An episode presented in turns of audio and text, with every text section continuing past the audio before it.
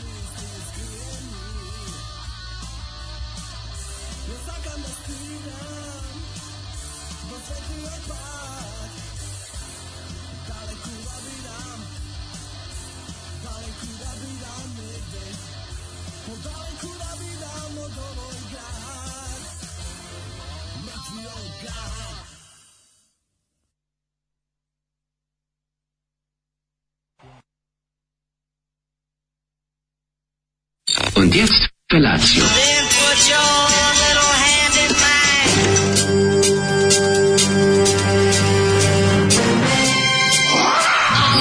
Grupa rozvojenih mladića trči po studenom vazduhu pre zore. Alarm! A ima da kane, nema problema. Svakog radnog jutra, od 7 do 10. Hajde,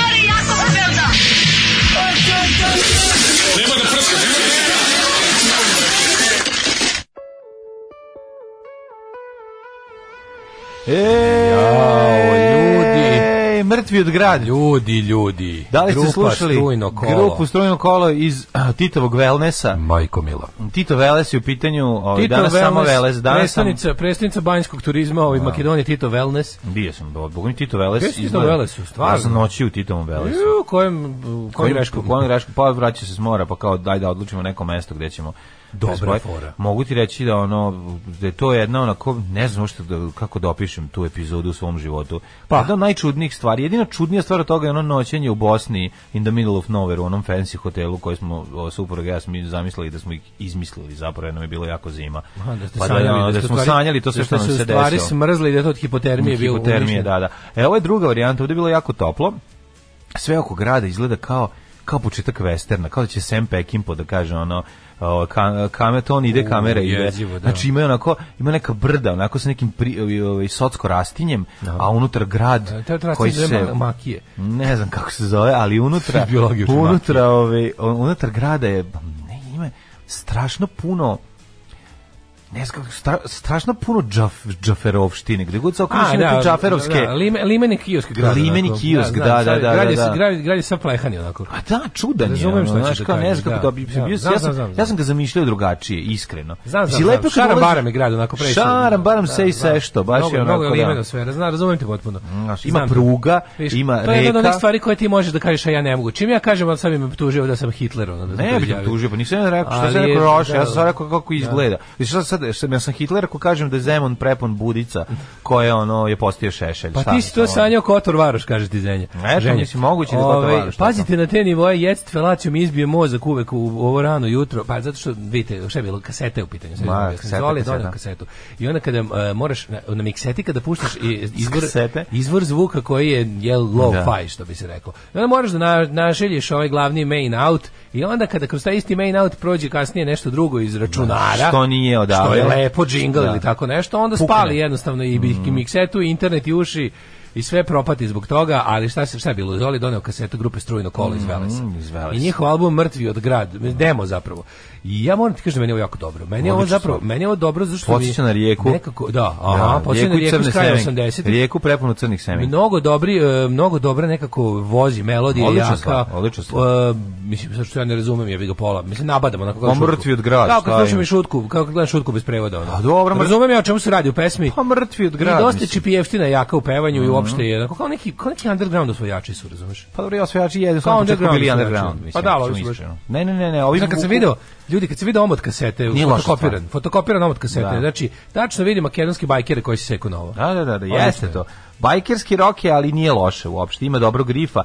Mene je Makedonija uvijek prijatno iznenađivati, zato je volim. Znaš, ima tih kad grune brate nešto odande. A ja kad sam sam i kad sam znaš, pogledaj koliko mi bendova dobrih imamo. Nje, Pa ne, ja samo to Makedonija mi daje snagu i, i radost i, i mislim i sve kao i Adolfu Dadu Topiću. Ajmo, Kuro Krimos i Petak je samo onako kako vi znate, Zoli Dumre. Mm -hmm. Ove, ovaj, Ali mogu da e, zapamtiti sam recimo Veles kao mesto gde mi je najlepše prijela piva u životu. Dva, dva mesta su bila gde mi je pivo leglo najlepše. To je jedno bilo posle mesec dana u kasarni kad sam sa ono vanglom ovih voćnih kocki popio pivo.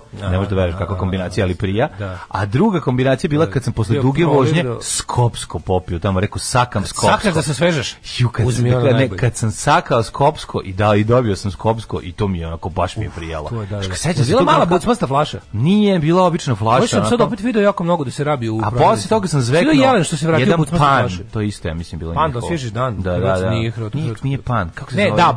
Dab, dab. jel tako? Da, Tri slova su bila. Hrast.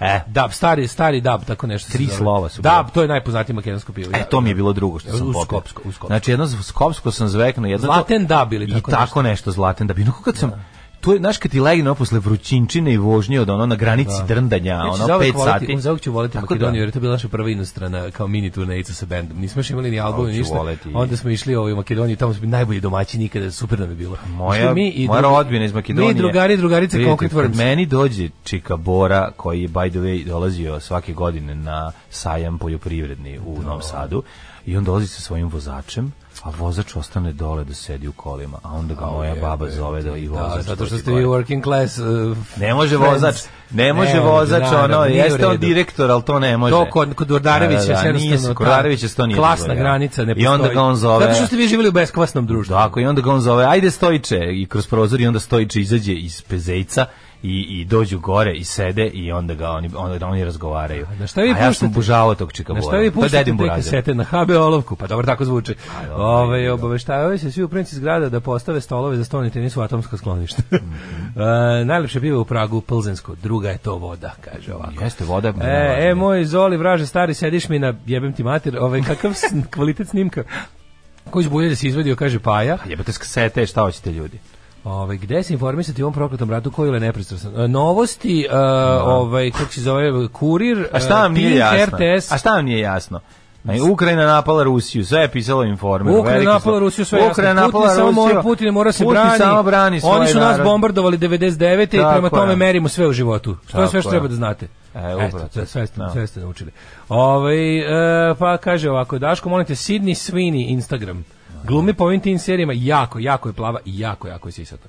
Um, ovaj, pa kaže ovako, može se neki mizar da pustite, da se svi poubijamo. Ja više volim Padot na Vizantija. Padot na Vizantija. Bože što Makedonija. Što nije, to nije album? To je Padot na Vizantija grupa. Aha. A, mizar je, iz toga je kasnije nastao Mizar.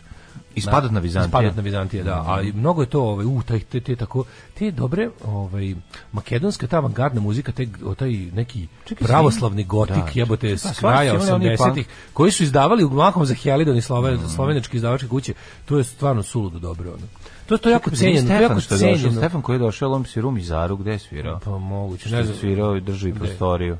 U jebo, to nisam to znao. On je svirao s nama jednom da, kratko da, da, vreme. Da, da, da. Nešto smo probali. Ove, ovaj, ma neće, nema, da li iz Mizara kaže, ne ma neće, nema šanse. Je bila rečenica koja se ubeđila drugaricu, a neće biti bombardan 99. pola sata pre prve bombe. Da, da, Juče sam opet bila naivni optimista. Deste pičke slovačke, ljubi vas u pimpeke male, pozdrav od Popa Mila.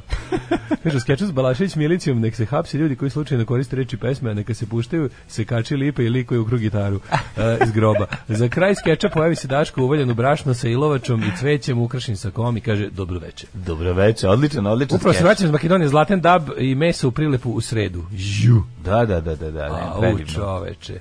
Ej, ljudi, ovaj, ja vas... Ja volim makedonski ja, jezik, ja to sam da kažem. Pozdravljam se ukočene pozicije. E, nek si se ukočio, da, jebem, znači kao da sedim sa nožem u leđima. Na kom mesto? Na pogrešno? Ispod, ispod leve lopatice. Da. No. Ako utačkan bol, jedva sam zaspao noćas. Znači, mlađe, nisam mogu se namestim. A što najluđe, najviše mi prije da stojim i da hodam. Da, pa onda kao mogu da sednem ako se nimalo, znači sad ako sad sam ok seo, ne mogu se naslonim, a ležanje, znaš kako sam ležao, to, da, to je tako bilo tužno. Nemaš ni na stomak ništa. Znači, neko, na kraju sam se namestio, ovako, uklješćio sam se na, ne, na neki polu bočni položaj, koristeći jastuke da se, da, da se podbočim, da se potkajlam, da. ono. Pa ti dečko pomogao. Evo, ništa nema ne meni ko da pomogne. I onda sam se... Da-, da, da kuva. Pa, to je čuveno. Čuveno. I onda kad sam se tako iznameštao, i onda sam se narokao ovih, eh, kako se zove, dobio lekove, da uzeo, uzeo ovaj, kako se zove, nešto iz, eh, pošto mi jako bolelo, uzeo sam na, na ovu, eh, na Movalis sam uzeo i neki ovaj kako se bože Bensedin. Ma samo što što, što za banje, pa ne mora e, da i onda se mišića. Pa da. Bensedin je za to. Mislim, se užasno spava. Znači mlađo jedva sam se probudio. Nemoj da brineš, ja ću ovu emisiju celu izneti no, gravo. Nekoj petak bude na mojim plećima. Ostavi meni ovaj ja petak. Ja čuvam snagu za večerašnji ovaj Italo disco. Ej, samo se ti opuštaj. Ja moram znači- da ostanem živ da bih mogao da porničarim. Ej, neka samo ti večeras budi ono, to budi malone večeras. Hvala ti za shvatiš mi dao drogu, ovaj. Ej, moram nešto da, da kažem. Mađi mi je dao bananicu na kojoj piše drug. Jako me nervira, ovaj, jako me nervira to, to, to, ne, to, meni jako... Te, te, menadžerska govna, gluposti. Bravo! Bravo, ovo je baš menadžersko govnarstvo. Da, da, nije im dosta piše bananica, nego ćemo kao napisat ćemo na bananicu. Ovo je smislio menadžer, da. krv mu jebem, tačno, ovo da, pisanje da. gluposti po bananicama. Da, ekipa piše na moje, a na njegove piše, piše drug. drug. Moja droga. Dobro, Možda će da. mi biti bolje. Ovaj Ali mislim, znaš, ono, jebem ti prvo me nervira, e, brate, moja ekipa, e, ajde, marš. A e, ovo što vi puštate se zove alarmgadna muzika.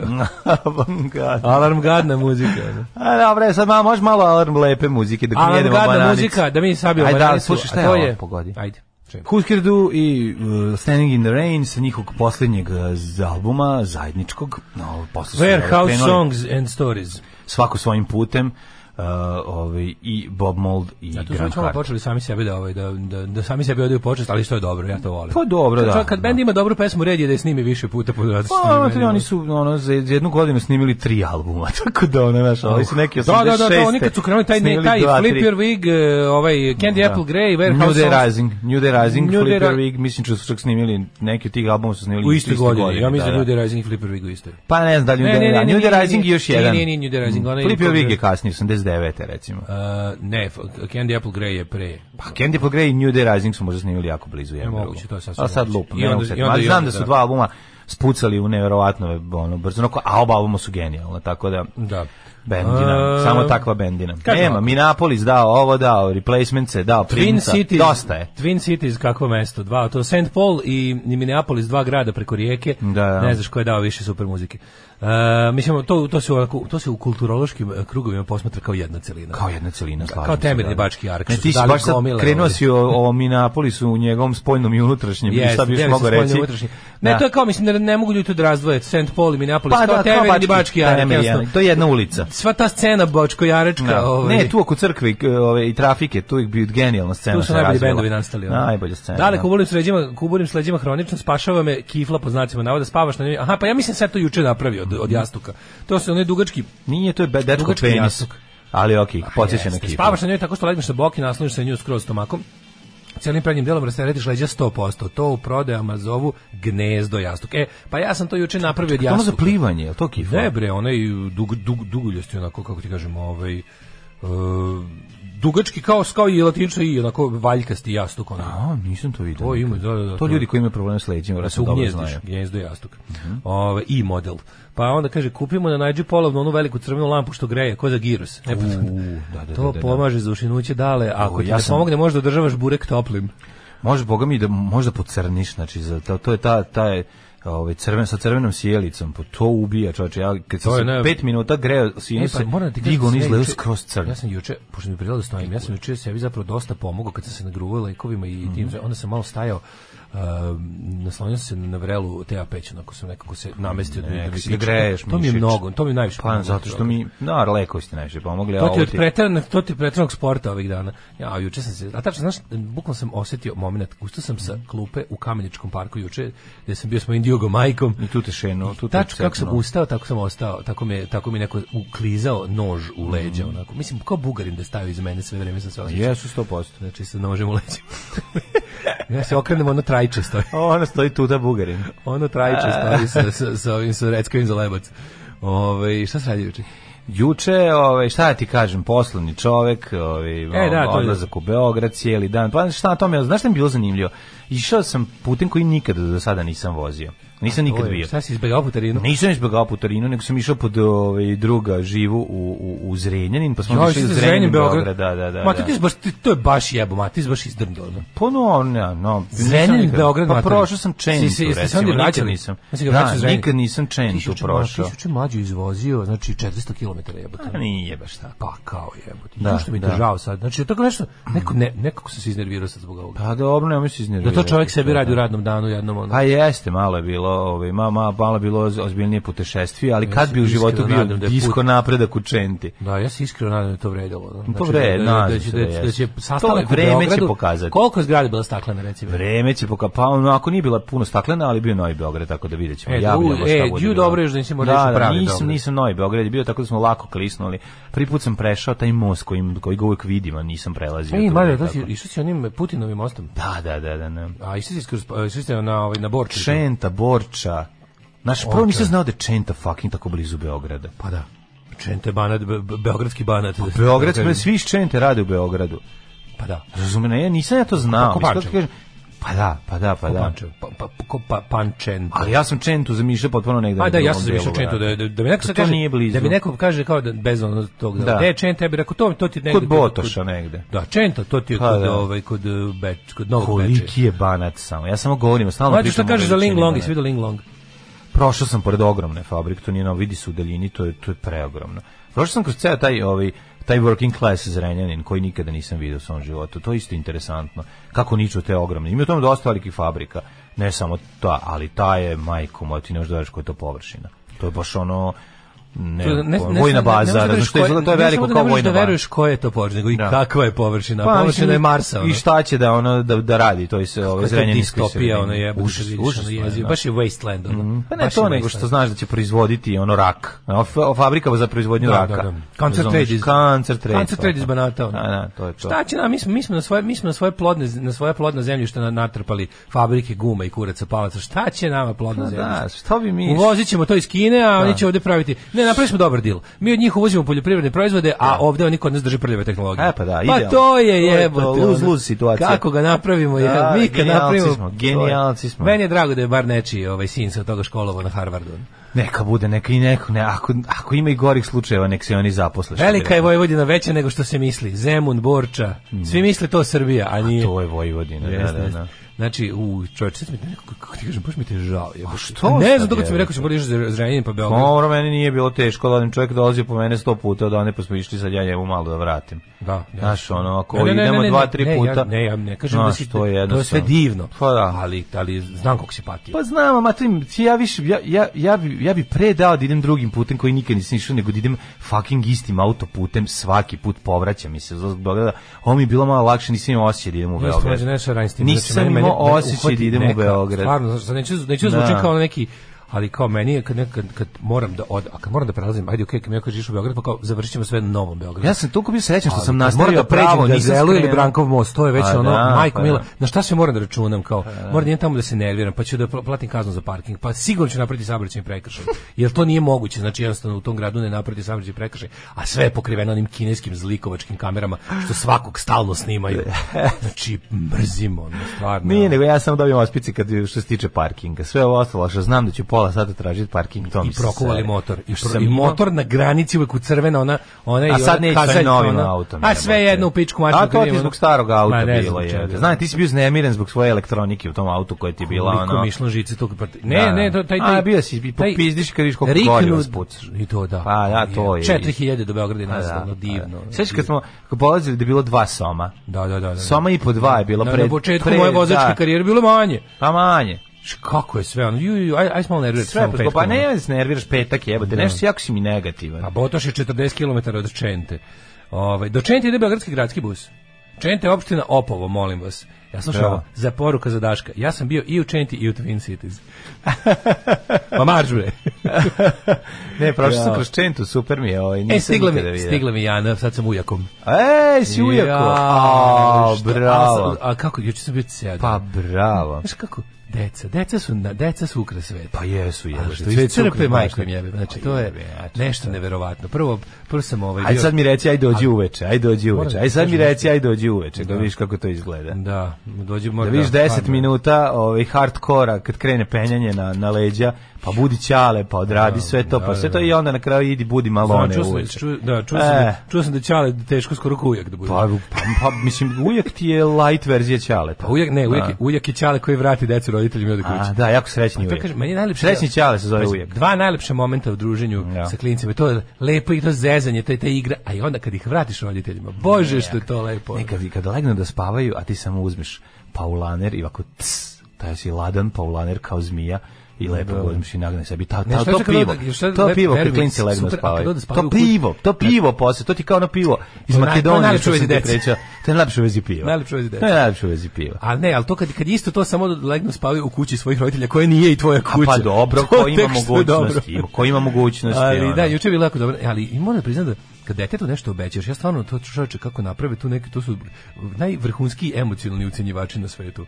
Deca? Znači, da. da. Ne, kada, kada te ono, kad si nešto, znaš, kad si rekao da će nešto biti, onda oni da. upamte to. Mogu ti pitam koliko ti puta Ćale rekao nešto će biti pa nije bilo. U, pa da, a ti nećeš da budeš, ti da nećeš da budeš taj lik. E, pa nećeš da budeš taj lik. Pa budi malo dobro, sale ili. Možda da sam nečiji Ćale bio bi i svoj Ćale, ali ovaj kako se zove, ali pošto sam samo ujak, pošto sam ili ujak ili drugar, onda sam ovaj kako se onda sam taj što onda onda će onda mi je jako stalo da da, da ta deca imaju. Pa i meni je stalo. Potpuno visoko mišljenje o meni. Pa nije to nego je važno. Važno je da važno je da. kad nešto gorite da mora zbog njega je važno i da. zbog tebe da budeš malo. obećali da ćemo ići ovaj kako se zove u Kamenički park juče i to je bilo znači kako bi srećan. To pa Kamenički park je pizdari. O boj, da, pa, pa pazi kako, te, nama je, prvo je sređen do jaja, drugo što ono tebi Kamenički park ogroman, a klincima je to ono da, to prašuma, prašuma, peručica. Da, još, prosmo, da, da. još je bilo baš onako skroz je bilo kako, kako pojačani avanturizam sa ovim Dunavina došao pa ima da se tamo preskače, pa ima to malo u tom. klincima. Ono, no, no, no, no. To kao, znaš, idemo po nešto... Bear Grylls preživljavanje. Bear Grillsovanje, Ma, znaš, da. Pa kao, pa, Pa, kad se popentro nešto što izgleda nemoguće, to onda sad, mhm. ja užasno ponosan.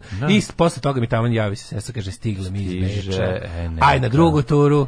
Ovaj e ja ja sad prvi put videla Lolu psetance, kako je bila srećna. Je Velika radost. Ja sreća. Čekaj, ste na a ovo je ona je pa sad ne, samo Kijeve go u... stigle, sad sad stigla ovaj uh mhm. -huh. do onog već je bio mrak ono. Uh mhm. -huh. Ali je toliko bilo znaš kako to to milina kako kučence i onako kako to pa radost, deca i kuće. Pa to je to ne to to to je endorfin samo curi yes, svuda. Jeste, sediš gledaš. To jednostavno ne može. Sediš da- i gledaš i lepo ti je. Lepota je bre, vidi kad on sam, sad je već toliko velik da može sam sebi da pusti ploču. Kad on pusti ploču, njih dvojica počne da skaču, to je jedna lepa radost, a mi sedimo pored i gledamo ih.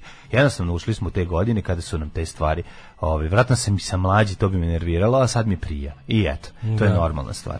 Ove, ovaj, e, nije pivo što je nemačko, nego što je ladno. Što ladno. Ove, dosta da. zvuči kao neka da, pametna izjava. Ono. Ovaj vašem vernom slušaocu, a mom drugu iz detinjstva Daliboru iz Lavova želim da ona njegova glupa žena skonta da je glava važnija od posla i da krene s njim u obližni Berlin, jer on bez nje ne može da izvede sina iz Ukrajine. Eto, valjda smo nešto pametno pročitali sada pošto zvuči dosta grozno. Zvuči dosta ozbiljno. Tamo je sa 40 miliona ljudi najeba. Ne znam, zvuči znači, dosta ozbiljno. Nadam se, nadam se da ovo što pročitali, ovo ovaj, da će bude tako. Da će sve da bude u redu. Ove, ovaj, e, pa kaže još par zglobova i pršlinova i atrofiranih mišića i postaćeš brat moj. Pa kad krenemo po banjama da muvamo ribe, pa sve one gipsane i sa štakama ne mogu da pobegnu sine. Sigurica. E, uvijek je najvažnija figura u odrastanju deteta. To ja isto mislim. Ja imam dužnost da budem, ja imam dužnost da budem stalno cool. Znaš ti kako to teško? No, znam. Da, Ujak mora stalno da bude cool. To je, da. mislim, ne mogu, ne smijem da se ponašam ni malo roditeljski. Znaš, ne, to je, je da ponašaš glupo je da budeš da si roditelj. U, u, ku, tre, uljak i stric, to su dve, ono, on dva da, da. miljene lika. Kaže, moj sin je u školi i cr, crtao mene, mamu, ovaj, babu i uljaka, tatu nikad nije crtao. E, to ti kažem. Ovaj ne, ja, mislim, biti, znaš ti, ja, sam, ja moram da budem onaj, ja moram da budem onaj što dozvoljava, ono što mama ne dozvoljava, pa, a da pritom ne napravim veliko sranje. Pa onda moram da, kako se zove, ja moram nešto će, ja moram da pokažem detetu petarde, a da mu ne otpadne, ne otpadne prsti. Da, da, to je da, da, jako teško. Da, da, da, da ne, putne, ne bude ispilane moja ekipa. To ti kažem, moram, yes. da, moram da pokazujem sve te užasne moraš da mu pokažeš petar. Moram sve te na, nakaradnosti, a da ovaj, kako se zove, a da, a da, bude, da, da bude, da bude bezbedno. A pokazaćeš. Koliko meni moj ujak bio važan, isto tako, za da ovo, mamin brat, a on bio tako cool. Ano. Da. Mislim, kako, kod njega smo išli u zatvor. Pa mislim, kad išli u zatvor. Moraš, u zatvor. A pa moraš ti ići u zatvor, ja onda dođe Jana. Pa ja sam već ja to radim na tome polako. Samo što moj ne znam, šta više cool? Šta, šta više cool? Ovako će se pričati, ovako će se pričati. To kada je Dale bio zato, politički, on je bio politički. Pa to zanima me da, da, li da, više kol da. biti uvijek što je politički u zatvoru ili ako moj uvijek što je bio. Politički. Što znao da buđi mašine da Kad si klinac, bo, bolje je da ti, bo, ti je uvijek baraba, pa da je u zatvoru zbog pa, da, toga, da. ali kad si stariji, bolje ti je bio. moj uvijek znao da podešava mašine da radi šta on hoće, a ja ću da budem politički. Znaš kako je moja baba govorila kad je deda bio u zatvoru, ali to mi se ne priča. O tome se ne priča. politički. Da, da, tako da ja, mislim, ja sam ja već radio na tome da budem taj mega cool. No, naravno. Što mu ide u zatvoru poziv. Nemoj, nemoj sam ti išao za mene puno zato. Sve što više zatvoran manje naše Evo glupog fazona, Daško, žao mi je što nisi ujo moj, to je da, najbolji fazon na svetu. Ujo moj, ujo moj, da, da. Samo čenta, čenta, gde su tu barande i besni fok? Da, da, da. Ovaj samohrani stric maloletnog deteta je jako teška životna uloga, ja da vam kažem, kaže Vlaški mag. ovaj e, pivo posle deteta. Pa zašto se ja toga nisam setio u potpisu pahom je. ne može zašto je post bio. A da, bio je, bio je da, post da. veliki. Neće valjda se da zameri Bogu. Da se zameri Neće Bogu pivom. Neće zameri Bogu. Bogu da. pivom, da, da, da. da, da. Jo, mlađe. Ajmo, ajmo slušati muzike. Ajmo, ajmo, ajde, baš smo ga razvali. Petak je, a mene, u, mene, u mene steglo leđi. Ajde, ajde, ajde. Idemo u avijaciju. Kuda? Napoj konje, Dalibore. Radio Daško i Mlađa. Prvi program. Zaista prelepa psihopatska himna Duct Tape Love, da, samo The da- Greatest Invention of Mankind, psihopata He Who Cannot Be Named i gitarista iz grupe Dwarves. Pod tom firmom nikad ništa da. loše nije izašlo i ja dočekam novi album Blaga the Rippera koji se zove Ralph Champagne Znaš kakav je kreten. Zahvaljujem znači, biće kao, se. Biće kao Candy Now, uh, ima novi, ima novi ove ovaj album sa kao uh, Mellow pesmama. Aha, lagani. Znači da bude potpuno idio. Ja dočekam, ono to mi je u ekskluzivnom intervju koji sam s njima napravio pre dve i po godine, jer najavljivo da će još tada da će da radi, da će biti soula i ne znam čega još. Sad to valjda treba da izađe, ja dočekam. E, zahvaljujemo se Darvinu, evo, zahvaljujem se i jedna no, velika e, ruska da. mačka, komšiska koja je došla da nam... Mislim, mi mesto ukrajinsku mačku da, da nahranimo da neku plavu rusku. Ono. Došlo mi da šutnem samo zbog toga da se iskažem ljubav prema Ukrajini, ali ne, on je rekao, ja stanite, stanite. Ja nisam Stani. plava ruska mačka, ja sam plavo žuta ukrajinska mačka. Nisam ja crveno plava, belo, belo crveno plava, ovaj kako, kako zove. je lep, tako lep veliki mačur je došao. Ja sada popijem kafu pored prozora i, I gledam. misliš naša maca? Gledam naša mačka, to je ta boja. Pogledam jednom nešto pa, naša, predimenzionirano. Naša, naša, je recimo a, 75% da. ruska mačka, da, da. ostala je kontejner. A ovo je full, kako je lep, kao panter izgleda. Kao stvarno. Neki četvrti se uglavnom došao na valo. Da, ne, navalio se četvrti na valu. Komšiluka namiri su tu u stvari došao kod kod ove naše. Ovo je neka lepota kotaš negovani zato što se vidi da je ovaj Kako, da, dobro stana. ima ima i ona da lep je jako. Vidi se da ima da da zna odgovor na stambeno pitanje, mm. ima neku onu ogrlicu protiv buba i lep je, majko mila, kakav je kao, kao uh, Omot Stranglersa album Feline. Da, jako je lep. Ta lepa mačka. Jako, jako je lep. Ovaj, tako da, eto, da znate da, da ovaj, ste sponzorišete još jednu mačku u komšijsku, da, da, ali... Da, znate, da. da hvala da, vam. Baš me, zanima, baš me zanima za koliko ćemo potrošiti 10 kila hrane, džačinu koju smo dobili. Pa ne. Živo me zanima koliko će nam potrebno. Pa mes, Da Da znamo koliko da... Ovaj, ja mislim mezda. A stvarno hranite, gladnih usta, ovaj, da, koliko da, da, divno. Malo Nostradamusa. Poslednja utakmica pred bombardom bila zvezda Partizana Marakani. Poslednja utakmica pred Covid je bila Zvezda Partizan na Marakani.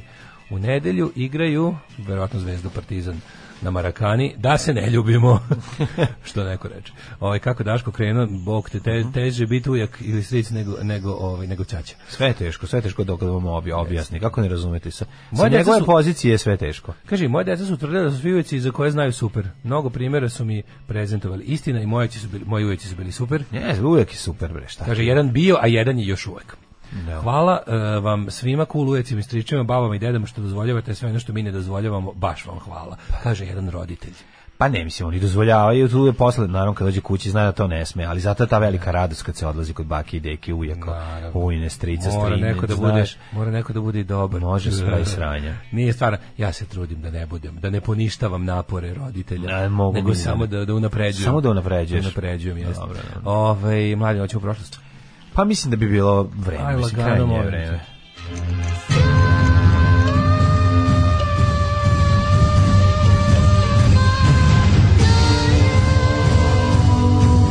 Dogodilo se na današnji dan gde da nađem mokasine, čoveče? Mokasine? Znaš, pao mi, imam last ditch effort, što znači je tu do naših drugara obućara, obućara iz Krilove koji nije više u Krilovi, mm -hmm. da mhm. pitam da nije neko slučajno ostavio neke mokasine po koje nikad nije došao. 40, a, a 45. 45, 6. 45, 6. Pa nemam ja, pojma, malo, ne mi znam, to, čoveče. malo mi je to... Ovi, mm, znam, ma long shot malo, ali ono probaću je. Da. Kako bi? Veliko je, mislim, znam. prvo velika ti je noga, a... E, vidiš, e, ako je neko sad na nailonu, Pa mogu da ti kupim, Od naših da. ljudi, ako naj... Kupite sad, sad mogu da ti 45, Gošić verovatno jeste. Da. Pa ne, A no, Vlado, ako slušaš. Ako neko sluša trenutno, neka ti... Sad ću da mu javim. Neka ti drugo, ovaj drugo, ovog jutra je Wordle toliko težak, evo sad sam u četvrtom pokušaju, imam dva slova samo na svom mestu, i to neka nemoguće, baš se mučim sa ovom reči. A juče odvalio iz druge, naravno. Pišem sebi uspehe, do sad sam četiri puta pogodio iz druge. Bravo. Ove, um, tako da, za moj, ne, za moj malone styling večeras neophodno su mi mokasine. Da ne bi morao da nosim, a, znaš šta mi je alternativa? Imam neke onako platnene fila patike koje mogu da prođu isto u, u istog perioda su onako, razumeš? Ali bi ja da, da, da. više volio mokasine. Stvarno ne znam, nikad što nisam kupio mokasine. A naravno I da nisam, da i nadam se da neću. Da, da, da. Naravno. Da. Znaš da imaš seljačke mokasine za jeftine pare? Ne. Zara i, i, i tako te. Ne, I ima, brate, Škorić kupio za breza i za čvarkova i za torbicu. Najseljačke je moguće. Prave muške, one, one kabriole cipele, one, one. Kabriole cipele sa, sa, sa, šiš, sa šiškama. Sa šiškama i, i lešnicima. Sa, sa trepljima i ledu. Da, ne mora da. lešnici, ali samo da... Pa ne... imaš baš komplet, tamo je uzeo. Sad da ga ima sad, problem, problem je sa što e, sad nije sezona, on je to kupio na leto. Utorak sam vidio video lepo. Sačekaj, na, utorak sam video u Zaječaru da kupujem, prodajem prelepe plave mokasine, znači kako se užasno. kupi. I mislio sam, naći ću ju u Novom Sadu, međutim zajebo se, treba samo za to. A, gde ćeš naći plave mokasine? Znam, ovo su bi, ovo bi bile pobeda nad pobedama, znači kakve su. Mislim, mogu bi znači. brodarice bi mogle da ti legnu isto. A mogle bi naravno, ali najčešće. mi rupice, znači, Ove koštaju 400 dinara. Sedi, sečka, što nisi Ne znam, ja, ja sam mislio da ću naći... 45? Mi, na, mislio sam da ću naći u Novom Sadu. Tu za četiri dina dobiš i fungus. A, naravno, fungus i fungus. Ovaj tako da teško je teško je teško je postići italo disco styling ovaj mladog Malone u Novom Sadu 2022. Ma znaš šta posle emisije idi prošle. Ići ću, da, da, da, ići ću, ići ću. Idi na, ili na Ajđu posle emisije pa ćeš naći. Pa neću stići više. Ne, da. ne, stići, sedi u auto u 10 pa i naćeš ljudi pa lepe dan. Biće najlon Bravo do jedan. Bravo si jebutino najlon, da. Idi na, na najlon odmah posle emisije. Cipele, da. Bravo. Vidi, prenaćeš 100%. Ću raditi. Naćeš neke tref. Pa ja ne, ne vjerujem da ću stići, ali... Treba mi čovek vodič. Pa znam, treba ti neko da te štiti. Budi vodič treba moj, neko da te štiti kroz najlonske predele. Treba neko da te štiti od jako korena dlaki koji ti e, ne može da podneseš svuda ko sebe. Upravo sam otpeo previše Balaševića. Ne, da, ne. Da. E, ne znam da to stvar od Balaševića. Koliko je to album? To meni omilja pesma Balaševića, na pola puta sa puba. I vidiš već sam tu na pola puta i ve uskaču A, ah, policajci Balašević fondacije. Stiže, stiže. Kroz prozor, da, kroz da. prozor danas uhapse. Bićeš uhapšen i morat ćeš da čitaš knjigu njegove supruge cijeli da, život. Da, planeta smetlište. Da. Ki, 139. Ovaj, godine... Ovaj, Kakvi ono, vrapcija na dolje mehanički, majko moja. Ona. To Planeta smetlište je jako dobro.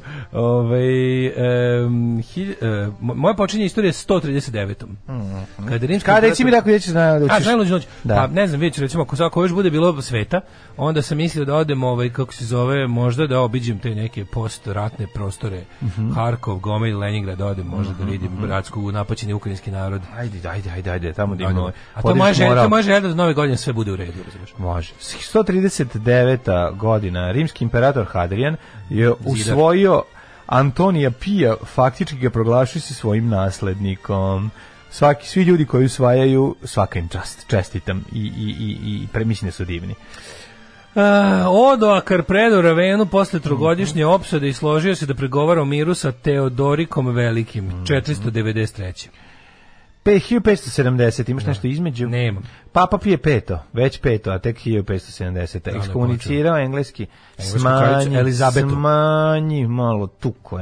Ekskomunicirao englesku kraljicu Elizabetu zbog njene podrške protestantizmu i aglinkanskoj crkvi. Aglinkanskoj. Mm -hmm. 1784. prva stalna bolnica na Balkanu, kliničko bolnički centar Zemun. Mm, znači, prva mođerna bolnica Mhm. Ovaj Ne, sam prošao pored Runaway Hera. Ne, pa kako si prošao pored pa Runaway pa, Hera? Pa i tu da sam uspeo, verovali Kako ne. to uspeo? Pa nešto smo malo. Ste se zajbali, a niste. Nismo se zajbali, nego smo gledali da izbegnemo od čep koji se napravio. Aha, aha. Pa smo onda improvizirali. 1797. Improviza, improvizamo je dale. 1797. pukovnik mm -hmm. William Tate i njegovih 1000 do 15000 vojnika. Stvari, ja mislim da imam jedan super seljačke cipele za tebe to ovde. Jel imaš? Pogledat ćemo posle, u mojoj velikoj kesi ovdje. Ajde, molim te. Na, na, možeš se dopasti. Pa ja nemam ništa, nemam ni sakov nisam našao, moram sve da kupim. Imam ja bre ovde mokasine za tebe. Stvarno, mokasine imaš? Možda jedna. Ajde da, brzo da, čitamo sam, sam kupio u što sam kupio u Italiji. Ako se ikad desi da ono, pre... da ono, da ono sranje što držimo na terasi bude nečemu poslužilo, u dupe ćete poljubiti. A, ajde, ja pa šta si rekao sad? Da. O, čekaj samo da idem da prdnem koji put. Da, da, da. da. Me poljubiš u dupe. Uh, 1000, imaš šta da ljubiš. 15, 1500 vojnika se predalo nakon poslednje invazije Velike Britanije. Mm -hmm. uh, 1836. Samuel Colt uh,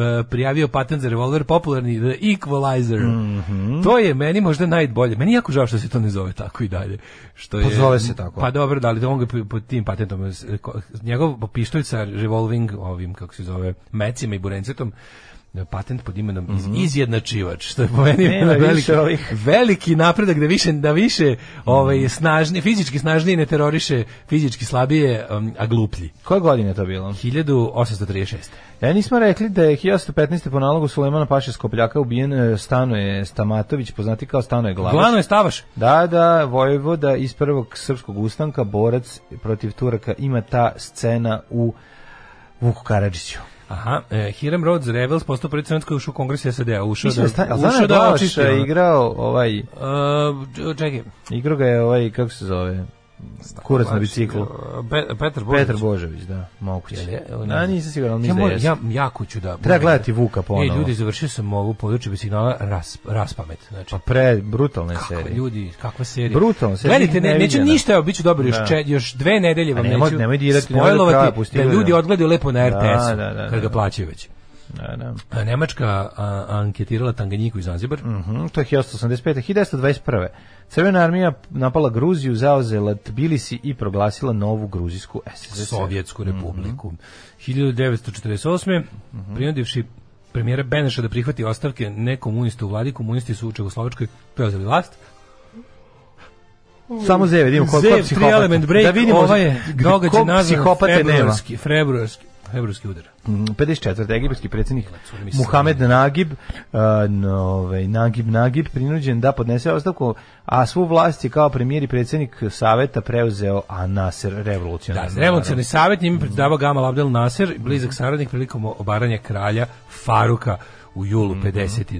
Mhm. 56. na završetku drugog, 20. kongresa KPSSR Hruščov pročitao takozvani tajni referat u kom izložio posljedice Staljinove vladavine i kulta ličnosti. Svalio sve na Beriju. Tako je, 64. godine. Čekaj, prvo 61. održano treće svetsko prvenstvo u bijatlonu uh -huh. u Umeji. Umeji. 1964. izvolite pobedom nad Sonijem Listonom u Majamiju, Cassius Clay Od 65. Muhamed Ali postao je prvi, bio prvi put prvak sveta u teškoj kategoriji u boksu. Da, pobedio je ovog e, Listona, Sonja da, da, da. Listona, da. da. Mm. Ove, ovaj, tad još bio Cassius, Cassius Marcel Clay, a posle ga, godinu dana postao ga pod uticajem Malcolm X-a postao je Muhamed Ali. 68. južnokorejski vojnici su ubili 135 nenaroženih stanovnika sela Hamai u južnovijetnamskoj provinciji Kvangham. Mm -hmm. uh, 1972. sovjetski Jezio. brod Luna 20 20, vratio se na zemlju sa uzorcima mesečevog tla. 72. Da. 74. proglašen poslednji ustav socijalističke republike. Koliko smo rekli? 400.000 km na mesec. Koliko ima? 500.000?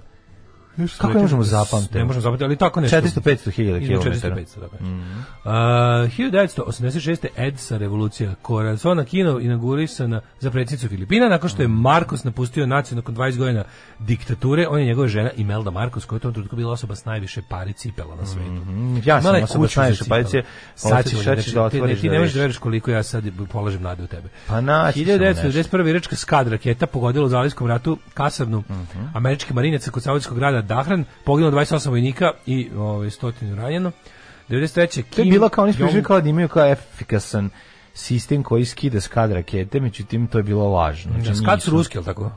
Kad su sovjetski mm, verovatno. To je da. sist, raketni mm. sistem. Mm -hmm. uh, 1000 sistem. Mm 1993 Kim Jong sam je preuzeo dužnost predsjednika Južne Koreje kao prvi civil na čelu te azijske države posle 32 godine. Da, to je jako interesantno. Ljudi eh, zaboravljaju da je Južna Koreja bila dosta severnolika Ču, do tamo negde nije. početka 90-ih zato što je to ono uh, Sećam se da je ono kad su bile kad su bile ove igre u Seulu 88 ne kad su bile ne 88 9 kad su bile eh, u Seulu olimpijski? Ne, u selu su bile malo kasnije. Da, ne mogu sad. 90-ih?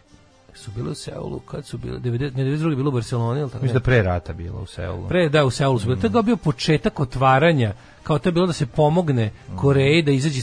Koreja je bila, uh, recimo ako je, ako je ova bila nekakva suluda ono ultra bolševička kako već da nazovemo to u Severnu Koreju diktatura, ovo je bila despotija. ovo je bila despotija u kom su uspostavili najdivlji mogući kapitalizam. Znači to je bila mhm. ona kao u fuzonu nema Samsung nema, success, nema. Samsung success. Da, Sam da, da, polja da ne, to da, kad da, sam da, video majko mu je to ludilo. Su tamo ono. vojskom i bukom ono, ono kako, kao, što, kao što su ovi uterivali ljude u nekakvu njihovu viziju komunizma, ovaj u Severnoj, tako su ovi uterivali bukvalno ljude u taj neki ultra proizvođačko, mislim on prilike kako ti kažem, ono, tamo je tamo je obavljena komunisti, ova, kapitalistička revolucija. Da, I tamo da. je vojska i vojni teror i na primjer neka vrsta vojne hunte pod patronatom Sjedinjenih američkih država je napravila taj kao ovaj kao ekonomsko čudo u stvari, ono da. zabranila organizovanje radnika na bilo koji način. To je sve onda počelo kao da bude da se kao liberalizuje 90-ih, sad je kao sad je Južna Koreja je demokratska država sa izborima ovaj i bogat, u kojem uvek pobedi Samsung. Dakle, na kojem uvek pobedi Samsung. I i ovaj kako se zove, koji je najpoznatiji automobil Kia?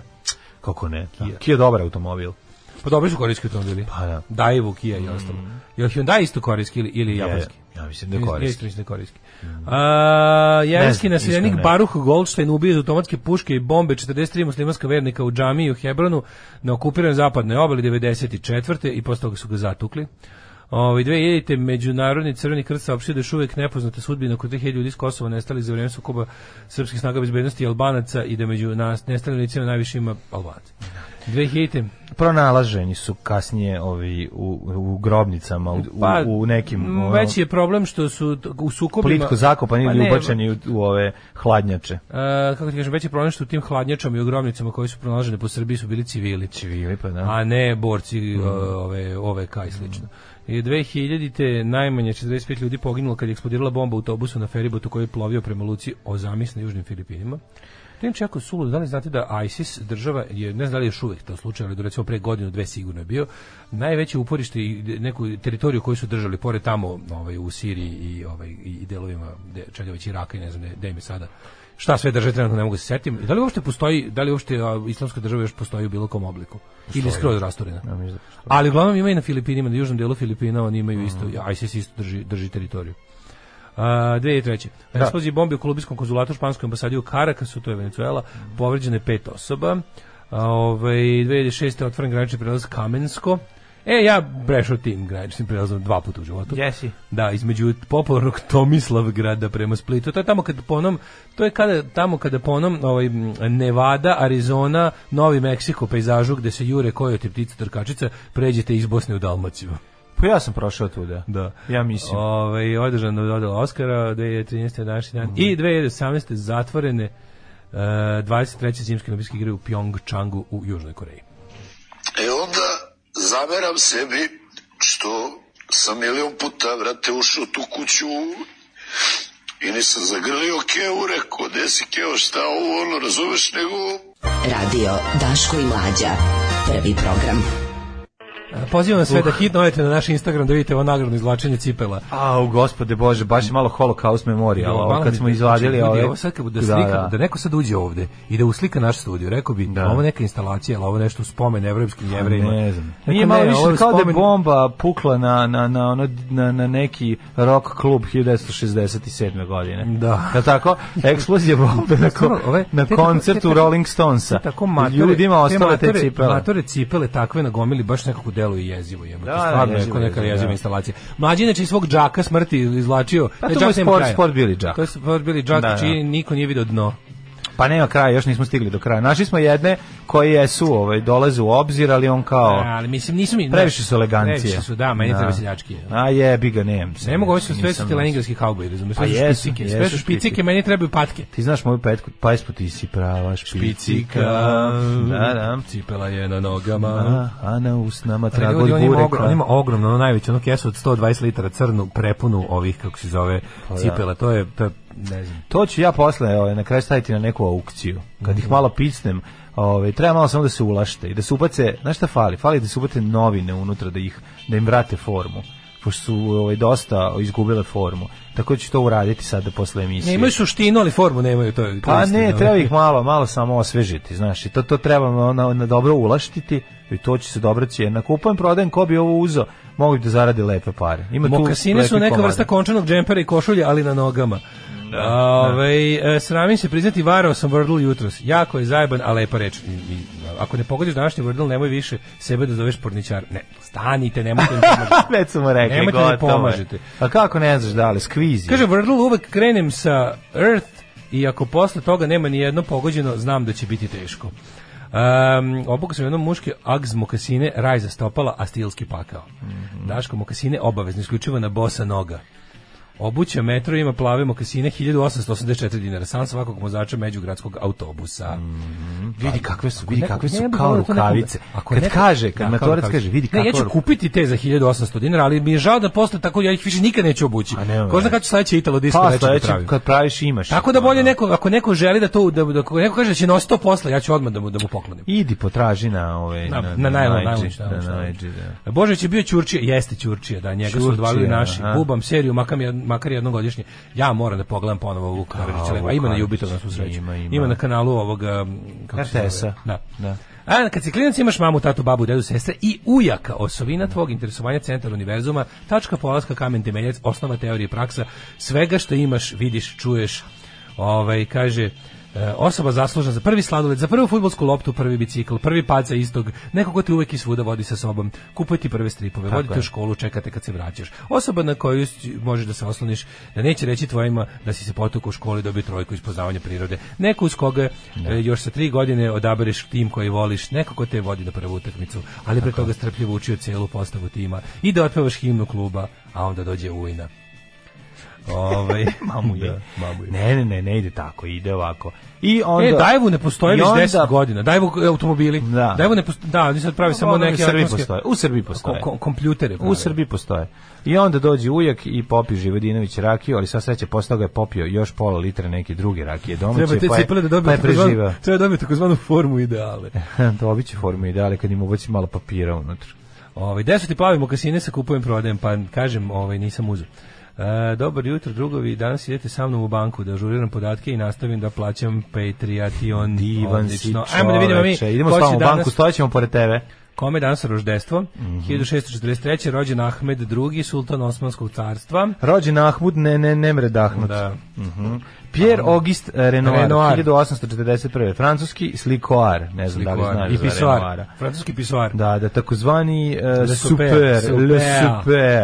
A 1682. Škoda Superb. Ja čujem super, se, uvek čujem Škoda Super. Znaš kako to dobar auto. Odličan je auto, naravno. Znači, ja bi tu 4 puta 16. Meni je, ja meni je Škoda Superb, to mi je, meni je to pravo SNS vozilo. Nije to, mi, to meni je to SNS. A to je zbog ovog sad napada. Meni je to, znači, bukvalno, ne, ne zato. Ne, to je direktorsko vozilo. Molim, to se tako zove. Da, ali, ali SNS. A mlađe jebati jeste. SNS, slušaj zašto. I 2010. godine pa nije je bilo direkt, tada. Tako je, bio direktor, se vozio u, se, u Superb. A nije postao Super 2010. A gde nije postao, nađiš 2008. Stvarno? Pa, nema ja sam mislio, meni, meni je tu život ušlo kad je SNS. I onda znam da svi direktori, predsjednici opštine i ti banditi ne. na prednječki svi voze, voze ne, to. Ja znam direktora I, koji se ufuru u crnoj, će, u crnom Superbu, znači brutalno je bila. Ekipa koja će izaći da te prebije izlazi iz toga, razumeš? Meni je to SNS mobil pravi. Kako? Škoda Superb mi je kao što Mnogo je... Mnogo pre SNS-a čovek pa ne. vozio, pa dobro, evo ja ti kažem, ja uključujem. Pa dobro, neki, dobro neki postao ranije, znači ona it made famous by predsjednici opštine. Meni je postala mnogo ranije, aj sad da sad moram, ovaj, moram da znači, da se... it was made famous by naprednjački predsjednici opštine. Iz tog auta izlaze ljudi da te prebiju.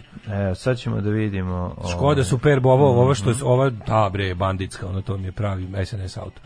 1707. Karlo Goldoni, italijanski komediograf i reformator komedije. Mm -hmm. 1841. Od 2001. Gari se da, pravi. Svaka, ja ti kažem direktor... Rođen Pierre Auguste, da, da si rekao, Karl May, 1842. Mm -hmm. Pa mislim, ono, pravio se Opel i pre ono, ali onaj kamion će ostati zauvek. Stani, Ostaće zauvek ono nemački vojni kamion. Što se ne prihvatiš da nije pa, to? Bože, ja nisam rekao da su naprnjaci izmislili da. Škodu, nego da su ono napravili m, da, poznato. Tada što su izašli iz nje ovi. A ti kažem, ja sam gledao toliko direktora koji izlazi iz Superba i uvek sam se divio koliko prostora ima u tom autu. Znači, tu može sedne pet ljudi nazad, ono, preogromno. Može pet ljudi sa letvama i gumenim čekićima, zato da koriste. Da, da. 1866. Benedetto Croce, italijanski nije pošteno, filozof. Nije pošteno se okolja, lja, da se baci ljaga na da. tu marku da samo zato što su i SNS izašli šta iz da njega. da radimo kao što kažeš znači kad zamisliš onaj nemački vojni kamion on iz kog izlazi oni ja to je vojni što izlaze to je da drugo ne mislim da izlaze bilo ko normalno iz vojnog stariji od stariji od nacista pa vojni kamioni mi ne, ne mogu činiti srećnim pa ne da, da. ali ovo ali civilni mogu kažem ti onda kao ovi su ga ovi su ga uzeli i i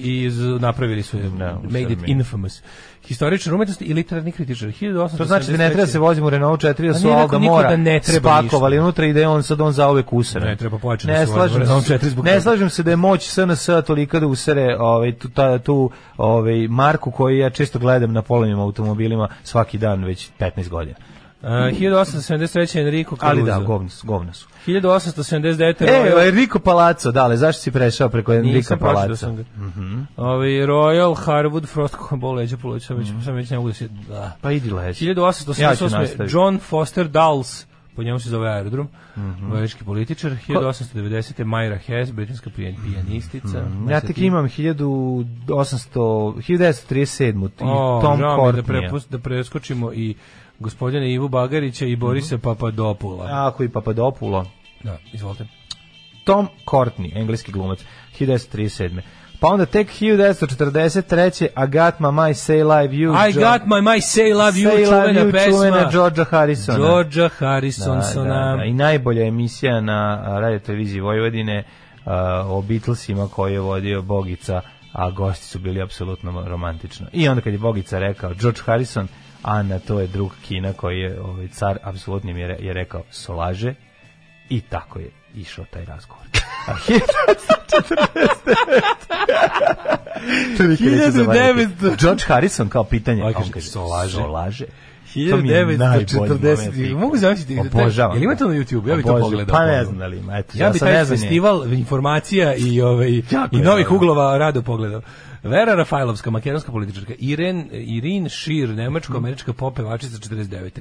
Jurica Jerković, futbaler 50. Mm -hmm. Jurica Jerković koji nije pađen. Nije. Ne znam. No, ovaj Mark kad... Mozes, glumac 58. Pa Igor Žic, kako e, žica. Prozaik eseist te kritičar 61. godine. Ajde, su ga mrzeli svi se žica. Pa Aj pro čitamo za koga Prvi čovjek koji je uspeo da traži bez razloga da mu neko da pare ispred prodavnice. Igor Žic. Na današnji dan rođena Eugenie Bouchard, oh. teniserka. A stvarno danas, ono... Da. E, jučer Novak izgubio. Zašto se nije vakcinisao? Ja sam stalno govorim. Jako je dobro. Moja uh, keva je čuvala klince, a ovaj, ja sam ušao nebo, uključila da pogleda Novaka Đokovića i onda svaki put kada promaši pojenja kaže pa to zato što se nije da. vakcinisao. Rođ, da, naravno. Rođena... A ona, ona nakon napravi facu kao aj pusti me da uživam u tenisu. Mario Hezonja i Mina Hagen, čuvena psihološkinja. E, da. Koje godine? E, uh, 1980 Stani, bre, zašto si Rashid Jonesa prešao američku glumicu? Pa, e, nju volimo. Rashid Jones. Dobro, volimo da. i Minu, ali ovaj kako se zove. Nije, ali ovu, nije. Rashida Jones, e, ona je super. Brutalna glumica, da, ona, najviše volimo u Parks and Recreation. Jeste, jeste, preslatkoće. 1634. ubijenje naš omiljeni Zašto ovaj, nisi pročitao von Wallenstein 1982. godinu? Ko je rođen 1982. Nemam, evo nemam. Kafe, kafe. Nemoj me zezati. Danas 82. Je, da, ona je premlada. 82, ne 92. Nema slika Lene Najbre mlađa nije moguće, 82. Nije ona samo dve godine mlađa od mene. 82. godište, nema mi zezati. Lena Kovačić je dve godine mlađa od mene, ne 10 godina. Tako je. Kako bre? A jebe to 82. godište. Lena Kovačić je 82. godište. Da. Vladić. Sad sam se još više napalio koliko ima godina. Da. Pa da. On ima 40 godina. Ma dobre. Odakle njoj 40 godina? A, tako znam, dže, u džezu se brže stari. Da, izgleda. Da. da. Ne, i duže se ostaje mlad. mladolik, mladolik. Jazz. Jazz. Samo ću reći, this is jazz. jazz yes, yes, yes. yes. 1634. Albrecht von Wallenstein. da, da, Wallenstein. Jako Jedan od naših omiljenih ove likova da, iz 30-godišnjeg da, da, rada. Da, da. Return to Kesson Wallenstein. Naravno. 1723. Christopher Ren. Mm -hmm. Pa Pavle Julinac. Mm -hmm. Pa ovaj, Julinac. kako se zove? Julinac. Pa onda Stane Glavaš, rekli smo, ubiven 1815. Glavno je Stavaš. Uh, Srpski vođ. Pa onda Benedikt Stej Stojković, Josip, latinist. Josif Pančić 1888. Cirilist. Cirilist. Da. Oto Ludvig književnik 1865. umreo. Pa je umreo Georg Richard Minot, američki liječnik te Nobelovac. Bosansko-hercegovački književnik Abdurezak Hivzi Bjelavac. O majku, ti daj nešto pročitamo ovde Abdurezak, kad za početak njegovo ime i prezime. Molim te. Abdurezak. Abdurezak Hivzi Bjelavac. Hivzi Bjelavac. Kao, si Aj, nešto, mi nešto. Si pročitao nešto od Abzu, Abdurezaka Hivzi Bjelavca, kaže, nisam uspio ni prezime i ime da mu iščitam. Pročitao sam mu ime i umorio sam se. Htio sam da čitam dalje njegove ove knjige, ali, sam ali me korice su Zaspao ubila, sam mu na, na, na, na prezime. Korice su me iscrpile. Texas Williams umro 1900. Šta radi, klik, daj da nađemo. Za, pa, zašto nađi Abdu Rezaka Hivzi Bjelavca. Daj, ček, ti, da, ne, ne da klikneš. Pa, evo, nemam ga, nemam ga uopšte na listi, zašto? O, Abdurezah. E, a Texas Williams koji je umro 1983. Sećaš Texas Williams iz Alan Forda? Kako se neću setiti. 1984. Luka Kaliterna, futbaler i trener. Jedan od osnivača Hadjuka. Mm. Umro 84. Um, pa onda Roza Papo, učesnica narodno-slobodačke borbe. Rodio se mu staro. E, Roza Papo inače je dobar Abdurezak. Je dobar Abdurezak. Dobru facu. Faca kao Jure Kaštelan. Nije le, lepa je faca, malo mogu biti i vampir. Da vidim. No, znaš kako je dobar.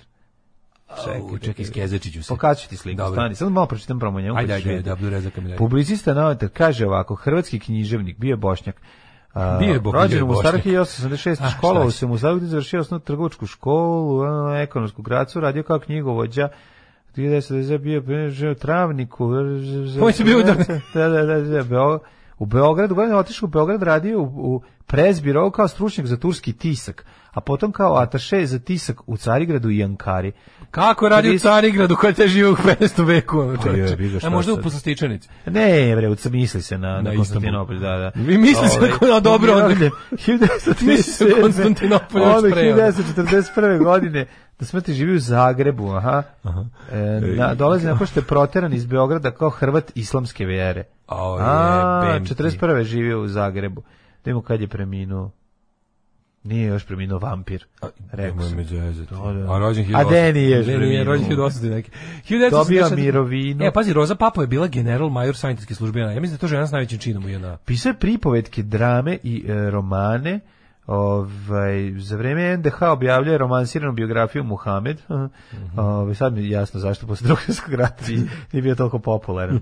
Ovaj kaže nakon sloma NDH progonjen je i od novih vlasti više ne objavljuje. Aha, njegov najbolji roman je Minka. E pa na on je Minku pisao. Minku. On je pisao Minku. E Minka. Minka. Sinoć kad se vraćah iz toplog kamama, stajaše E Mimka. Minka. 1000 e, e, Minka. 2013. umro Đure Utješanović, tvoj omiljeni. Đure Utješanović, o, jako volim tog glumca. Kako ja volim taj John Belushi sa nekim Znači, taj njegov, on meni ima facu kao da nešto smrdi, a meni to ja to obožavao. Ja sam, njega sam volao, ne da. znam iz kog razloga. A kasnije, kao da. klinca ga nisam. E, 2014. Ovaj, umro pakao Delusija, satanistički gitarista, mm. i 2020. Miroljub Trošić, popularni Đoša. Đoša nam se... Pre... a špice živi još ja, mađo. Špice živi. Ne, ne, ne, ne, izvijem se, Đoda. Đoda, Đoda. ne Đoda iz nije, ovoga. To nije Đoša, on je Đoša, Đoša iz celog Đoša Isu umro znaš, znaš kako ja mrzim što, što ja to znam? Šta će mi to? Šta će mi taj čovjek u životu? Ne znam ko. Šta ste tako odvratan? Kako ne znaš? Oni su vonjevi deda sa šajkačom. Znam što je pandura. Ne, znam. ne, onaj... onaj ja znam Onaj bre neki... Znam, onaj, znam, znam šajkača, znam. Šajka, onaj suvi deda, onaj da, da, deda, da, što izlakao da se rodio sa šajkačom. Ima jedan, jedan je da li ima zamagljeno jedno staklo na očarima, ne? Ne, to je ne može ljutiš. A jebem. Deep, you have to know your village is burning and ne grandmother is coming. Ne mogu, ja mrzim, ja tu seriju mrzim, zato ja sam pogledao jednu epizodu te serije. A ja, a ja i mrzim i gledao sam da bi više mrzeo. Baš ste nas iznenadili svojim prisustvom danas ovde. Da, veliki, mogla bih reći, jedan od najvećih fanova. Ovo posle smrti mog supruga, ovo je najveća radost za mene. Alarm! Alarm! Svakog radnog jutra od 7 do 10 sa mlađom i Daškom. Eh, o, vreme je da... Sklonio sam cipele, vratio ih nazad. Cipele! Mlađa je sklonio cipele. Ne gledaj mi u cipele. Bravo za mraka, njega čujem jedan tri dana sreće. Jeste kako glasino, kakav je to Jure Stublić? Mm, Osječki Punk čovječe. Čene. Đode Virvirko na seoski način, pa otprilike da. Tamo je dobro, tamo je domovina, pozdrav od bivšeg plebejca iz Indije, sad sam plebejac u Augsburgu. Bravo. U Auspuhu. Da, li pravo si 100%, mrzim Škodu zbog gadova. Nije mi ništa loše radila, odličan auto, logo im je užasan i prezirem ih, apropo, uh, Đovak sa juče to je da i radi vojitelj kad počinje sa prokleta bila Australija, danas igra naš Nole, protivnik mu je protivnik mu je mučenik na sto i nekom mestu. Ovolika koncentracija idiota na jednom mestu je nezapamćena. Dobro, zato ćemo i da propadnemo, to je u redu. Ne, moramo Mislim, propasti. Jednostavno, kad je glupost nema, velika, da. propast tad je pravedna, što bi rekli kud idioti. da. Obožavam taj Ne, ne, ne, ne, što, to, to je prosto, ono, mora se desiti. Trenutno je mlađu oko 100, oko 10.000 službenih škoda u Srbiji. Da. dominiraju Superbi Oktavija. Mm. Ovaj kaže pa Fabio ne bi ni Fabio ne bi vozio džabe da mi poklon svakoj ulici u Beogradu bar po tri možeš naći. Neki su dobili vozače uz njih. Predizborno avo obećanje bilo će prodati sve službene automobile prethodne bahate vlasti. Mm, da. Škoda se prvo ne samo da je postojala 2010 već i 42. To je bio jedan od Romilovih automobila. Ma Škoda stara fabrika, Škoda stara fabrika, čovjek Škoda postoji od... A ja znam stari... koliko postoji Škoda, nema no. mi to govoriti. Izgleda je bio model govorio... Superb i tada. Da li je tad pisao? Pa kao što Ovo je. piše 2001. Da pa da, ali moguće da postoji neki nešto, znaš, kao da se, kao što je bio, ne znam, lupam, kad, ne znam, kad, ne kadet, nego koji ono modeli postoje jako dugo, pa tipa... Pa kadet postoji. Ja e, kad si vidio istoriju to Toyota Hilux, ona se pravi od ne znam ja kada, ono kao, mm. ali konstante. A tek kad su je ljudi sa turbanima upustili, otkrili sa onim nazad prostorom za mitraljez, pa za je dobila ovaj raketni bacač. Tad je dobila ovaj. Mm -hmm. Da, pikavci, BMW, žmigavci, jakari, ima, nema šta. Mm -hmm. Dobro, dobro. U što je težak wordle, mislim da ni Česi nemaju reč bez ovoliko samoglasnika. Ovaj e, Prošli petak Billy John Armstrong napunio 50 godina. Izgleda mlađi od mene sa 30, da, pevač Green Day. Ove, da. E, da znaš kako izgleda, Busar ne bi tek tako lako prešao preko nje. Kasnim jebi ga, ali kad mladen bude kupio Škodu, zvaćemo ga mlađa Škodista. Hvala. E, ove, mlađi brate, što forširaš kodu sa SNS official vozilo? Žao mi, ali tako je. Ja sam prvi put video Superb kad je predsjednica izvršnog odbora banke koje sam radio dobila isti, ali opet prva asocijacija za Superb je SNS, njihovi ljudi takođe i uvozi. Pa dobro, ja vam kažem, meni, ove, meni nije, ali eto, ja u redu, menjaju se vremena, pa do postoji yeah. Da. asocijacije neke nove. Kako vam kažem, ranije sam... Evo, da evo jedna slušalica nije SNS vozilo, nego NIS vozilo. NIS, pa da, meni je baš direktorsko da. vozilo. Ove, ovaj, Nikad ću e, boriti, jedan moj komšija je vozio direktora autora ove, ovaj, sad ću lupiti da li, da li Matice Srpske ili ne znam, ali sam video novu, prvi put sam vidio tada novu Škodu ove, ovaj, Super. Uh, kaže, na YouTube-u Tikina i Đošina pesmu osmo bitnoj verziji za uvek smešno. Jup, Jutro sam deci objašnjava šta je to antena. Gledam po krovima kuće da im pokažem šta je to, ne mogu da je pronađem, ne mogu da verujem da je to postala stvar naše prošlosti. Jeste, pa, antena. antena da. kao antena nije, ali televizijska antena jeste. I dalje sve, mnogo stvari ima antenu, samo što više ne izgleda kao naša ona antena za crtanje. Je big, ja. Da. Ove, e, meni je idol u mladosti bio brat od tetke, više od mene za glavu. A što je čovjek više, lakše ga je oboriti. Te me zajebavao, da vidim ja to tvoje mudo zajebavajući me za judo, pa sam ga bacio. Otresao pod, a kada je ustao da sam ja dobio batine, kaže ženja. Nema veze, ali barem da početak pokazao si ženja snagu, to A, je važno. Kaže, Ronald Harwood je bio poznati britanski teatrolog i dramaturg, garderober je njegov komod. Ima odličan film sa Albertom Finijem, no pozorište ne treba niti cijeniti tri, tri tačkice. da. Ovo, ovaj, što bi Jeremy Clarkson rekao, se prvi ima harizmu mog, fri, mog frižidera. Pa jeste, nije to da, nego, niko nije rekao da je to harizmatičan auto. A, Samo da. govorim da je praktičan. Slušaj istoriju, slušaj istoriju e, ovog terorističke ljubavi sa to, Toyota Hilux. Ajde. Toyota su otkrili jedine nacije, a UN vozila preprodata posle Arapima, a Arapi preprodali ovim bezobraznim Arapima. Da, da, da. da.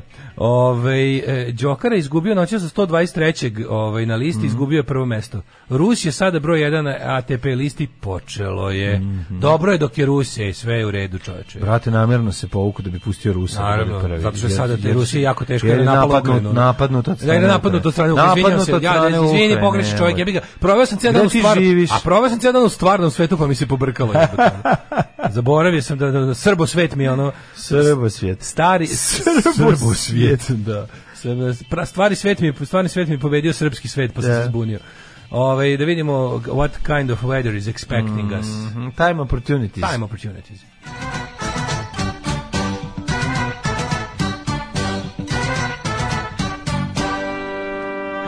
Juče sam se smejao, bio dobar, ljubi misli dobar engleski. Uh, Banatic Field Economists. Banatski poljoprivrednici. Banatic Field dobre, Economist. Dobre, dobre. Pa to je Krudi, Krudi je Banatic, Field, Banatic Field Economist. Banatic da. Field Economist. Napravi Krudi sebi ovu vizit kartu. Mm. Banatic Field Economist. Čekaj prvo da završi vizit karte ratari kluba. Rad, ne može, ne može. Pa može da napraviti, može dva First things first. Može dve strane da napravi. A može dole kao, ne, ne, ne, da ne, piše da ništa da jače vizit karta, znaš kad ljudi obostrano da se iskoristi. Kad je ljudi recimo, ja sam imao vizit kartu za dva lica najbolju na svetu, na kojoj se jedna strana pisalo da je čovjek vlasnik ovaj e, nekog e, da je to bio rasadnik ili da, nekog se nek nek neki odgajivač ili rasadnik mm. ili neka odgajivačica a s druge strane je pisalo da je književnik i pesnik A čekaj, šta ćemo sa čovjekom koji nam je, pa sećaš kad smo bili prvi put kod ovog... Kako ne? Ovaj, kod... Čovjek koji te, ali dobro, on ti dao samo jednu, pa, njegov iskad imao dva lica. Na jednoj je bio da plesač, je, tango plesač, tango plesač a na drugoj... A, e, mađioničar. Aforističar. A, e, nije na drugoj, na jedna strana je bila samo. No, jeste, sve Jedna bilo. strana popunjena, majku ne, ne, ne može... Kakav car. Ne može Ima ono... vizit kartu da čitaš, da uzmeš da čitaš. Pa, pročitaš, da, od prespavanja. Kao izvadiš vizit kartu i kao u busu kad ti dosadno čitaš ne, malo. Ne, više koliko je taj čovjek bio renesansna ličnost. Jeste. On je bio, bio i plesač. Bio je tango plesač nosač da. instruktor plesa, lupiću sad ono... Ne, ima nešto što imalo veze sa Enigma, enigmata. Enigmata, enigmata. Mađioničar. Mađioničar. I zabavljač. I još nešto. Ima Pisac i humanista da, prijatelj da, da, srpskog naroda. Da, da, da, bilo. Kakav čovek, kaže. Ja to je najgušće očnampana vizit karta koju smo ikad videli. Mm. Znači, font 6. Ove, Tako smo kod Kesića bili. Da. Čitač prvi da put, prvi put. Palić jedan, Sombor. Nismo davno bili sa Čekarnićem zvati uskoro. Pa mogo bi ono, već ispustruši, pa smanjuje se krug ljudi koji možda zove. Da. Tako da ono, opet ćemo doći mi. Novi Sad 2, Zrenjanin 4, Kikinda 2, Banatski Karlovac 3, Lozne, čekaj da ispali neko. Ovaj Sre, Sremska Mitrovica 3, Valjevo 0, Beograd 5. Najbolje kad uvek kad nas on zove, mi uvek pitamo ko je ispalio. I to je uvek jako smešno. Nas kad god ne je Uvek smešno. Pa, to, to, to, uvek smešno to, to, to je uvek smešno i skoro uvek tačno. Ima ovo uvek tačno, pa da, da, da. uvek smešno i skoro uvek tačno. Da, da, da. Nikom mi nismo prvi. A onda on izmisli da Nikom. da neko veća faca ispalio da, da ne bude bilo krivo. bi glupo da ti kaže. Bajaga dobio šarlah. Pa da. onda, onda nama okay. kao bude okej, okay, ako okay, Bajaga dobio šarlah. mi, da. A da. ne ono da je jebi ga pomoćnik urednika danas za za, za ekonomsku rubriku, ono, da. E, mu ono, otprilike nema ko da pričuva decu, pa smo zato da, mi. Da. Petar to, Petrović, čovjek sa uplatnice, e, nije mogao da dođe, pa kao vas dvojica. Zato dobri Uj, Zoran da. uvek izmisli, kaže. Izmisli, kaže neka faca. Evo, upravo mi je ovaj... Sting, Sting ispalio, pa ako da. možete vas dvojica. Sting pokažice, dođite da vas dvojica. Pokažice, Sting. Na basu, na kako to teško. Ja znam kako, jer mene pukla žica, G žica na basu, 93. 93. Ja sam kroz cele sankcije prošao samo s tri žice na basu. A bilo mi je lakše kad sam video da basista iz grupe enciklopedije i da ima samo dve žice. Pa da. Ja sam shvatio da mi ne treba ni... Pa, ni ja sam o... je band Presidents of the United States, sećaš tog benda? Da, da. Što su imali drugu i četvrtu, i što su da. imali dve gitare sa... sa Koliko sam ih ne podnosio, jo, jo. ne, možda, ne možda zamisliš. 1, 3, 5, 2, 4, Prvo me nervirao ime benda, me nervirao pevač, nervirao sve zajedno. Pusa je pisalo, to me jako nerviralo. Pusa. Zrenjanin 4, Kikinda 2, Banjska Karlovac 3, Loznica 4, Mitrovica 3, Valjevo 0, Beograd 5, Kragovac 1, Penjska Palanka 4, Veliko Gradište 4, Blacktop 1. Izvolite. Uh, yes, I will continue where you, you left off. Uh, Negotin 1, Zlatibor 0, Sjenica minus 8, Požega minus 4, Kraljevo minus 2, Koponik minus 2, Uh, Košuna minus 4, Krušovec minus 1, Ćuprije 3, Niš 1, Leskovac 1, Zajčar minus 5, Dimitrovgrad i po minus 3, ali it's still vedro. Danas 13 stepeni, bit će dosta vedroće i najlon će biti dobar, tako da dale znači, slobodno. Znači, misliš da ću uspjeti da na najlonu nabavim Ali moraš, mo, moraš rondati. I will round. Mali moraš, ne I može. I will round. Ne misliš, like ne misliš šetati okolo i gledati s rukama u džepovima. No. Znači za to I'm gonna round. Moraš od, znači kad vidiš gomilu cipela gura i ste traži okolo i nađi. On mora naći drugu, to mislim. Pa možeš naći drugu. Da, da, da. Pa nisu slagali za nas. Pa ajmo, ima gde? Za nas ovaj. Ma gde je poslagano? Prvo potraži tu. Pa, dobro. Ali onda ako ne nađeš. Ne, ja sam sad u fazonu moram sve da nađem tamo.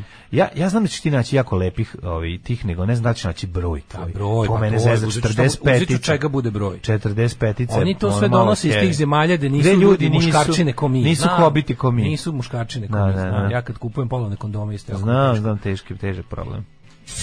A ako me pitate da li ih ja podržavam, moj odgovor je apsolutno da. Da, podržavam ih i mislim da je jako, jako važno E, da ih svi podržimo. I molim vas, donirajte vašu podršku, ulažite u Daška i u Mađu i svima će nam biti mnogo bolje. Ja vam garantujem. Alarm svakog radnog jutra od 7 do 10. Od 7 do 10. 8 je časova. Radio Daško i Mlađa. Prvi program. program furthermore known as the Jams. Kako da, da imamo ovaj album, taj The White Room. To je sad very sought after ovaj, mm -hmm. zato što su oni ludaci obrisali sve svoje, znaš kako. Jesu se obrisali, jesu. Da, taj White Room album je mhm. ovaj, izašao na cijelu. Tako oni su spalili milion funti. Spalili milion funti, obrisali no, da, svoj back obrisali. catalog. Mm I, i rekli su ladies and gentlemen the KLF has left the music business kakvi carevi stvarno to je to je to je mislim svaka čast za performans apsolutni to je jedino jače toga je performance Izabele Barte yes. znači jedino što može kad da god kad god je dosadno izučavajte istoriju uh, copyright liberation front ili ti mhm. KLF-a mm -hmm. um, ovaj uh, da vidimo šta kažu mladi imali mladih. Da li su to opet počeli da puštaju MTV na trećem kanalu prepodne KLF, Technotronic, pa Gansi? Hvala za ovaj povratak na početak 90-ih i detinjstvo. Eto, mali, da pokloni, znači krenuo sam u proces smanjivanja želuca. Stanem na pola do sadašnjeg jela, jako je teško, jeste, kaže, jako je teško smanjiti doručak sa dva bureka na jedan. Nije ni čudo što ljudi odustaju od dijeta. Čovjek je pola tepsije, tepsije bureka loka, roka za doručak. Da svaka čast ako uspeš to i je to je genijalno. Ja sam uspija. Ne, ne znam da znaš sada ja sam uspija. Ne, ne, mogu, pa ne mogu pojesti celu picu više. Pa, Samo ližu. Možeš, nego ne radiš. Ne radiš. Ne, mogu, mo, da. mogu, ali nemam potrebu. Znaš, ne, potrebu, to je sad, najvažnije. Sad mi je svako jače predanje mi teško pada. Moram se pohvalim, tri Bogu, dana za redom nisam jeo uveč. Želudac ti je, I to mi je već želudac ti je kao anus Monike Fox. Jedno jako Možeš dobro kenjanje, jedno dobro kenjanje i eto da. mene, sad, sad sam na 89. Valjda moraš šuti, moram cilj mi je da budem da imam 85. Ako uspem to da uradim, najveći sam. Moraš sad. Da ti čeprkati ko kokoška, inače ćeš otići praznih ruku. Da, Tako ja, sam da. ja prvi put otišla, gledao, merkam ne vredi, dok ne zaroniš, nema vajde. Prvi put kad sam otišla, kaže, ovaj s drugaricom uh, kaže, ja se neko ženi na ulazu, kaže, znaš ko je to? Rekao, di znam, žena ima sunčane naočare. Natukla šešir, maskirala se. Kaže, direktorica Voda Vojvodine. Gospodje se na nelonu oblači u sakove, suklje, košuljice, Tako da čeprkaj dale, čeprkaj da. like the wind. Mm -hmm. ovaj, um, And you čeprkaj like you never čeprk before. Yes, yes, da. yes. Dođi mi da se kandidujemo. Legalizacija marihuane, prostitucije, gej brakova, usvajanje dece, prvo NATO i nezavisno Kosovo. Kandiduj se like the wind, imaš naših šest glasova i bolite dupe. Ma imaš odmah, nemoj da brineš. Mlađa, mlađa svira bas bez žica 90-ih. Pa imamo, kome treba gitara bez žica, kome treba čovek umornog lica. Pevo je pesnik. Ukrajina dobra prilika da svet pokaže pravu solidarnost. Ne znam zašto se više nadam da će biti tako kad ono nikad nisu bili solidarni s decom u Africi. Nikad ne postoji nikakva solidarnost. Postoji, postoji samo činjenica da su ih ono pujdali toliko dugo, a onda kad je Sileđija došao, oni su samo se okrenuli. U, ono. Bila je da- situacija Miš Pužiker, razumeš? Kad su stigli ovi, onda krenuli zajedno da cugaju i no, da, no, da, to će biti no, na kraju. Na kraju će doći pa će zajedno. Zajedno će im pomagati. Uh, Kaže, vrlo je mlađa olako prešao preko tvoga aforizma za picu. Neka, neka, ne. vratit ću ja njemu kad budemo izvinjam tako dobro se, izvinjam se, izvinjam se, a ja izvinjam se što sam to uradio. A bio vrhunski fazon. Da. Bio je odličan fazon, nego sam Ništa, ja... Ništa, iskoristi ga posle za državni popis. Ja sam bio jako, jako, jako sam bio, ovaj, kako se Vizit zove... Visit karta Milos... Ej, slušaj. ušao sam duboko u, u, priču i nisam mogao da se vratim iz nje. Naravno. Da, da, da. Vizit karta Milosavljević Božidar, profesionalni švercer. Uh -huh. uh, ima dobra, ona, jesi video ova, onog nekog, kako se zvao lik, Senad, Senad, Senad, Senad, prava lična karta, nije fake. Uh -huh. uh, Senad, Nenad, ne mogu da setim prezimena, ovaj, eh, Z generalnog direktora.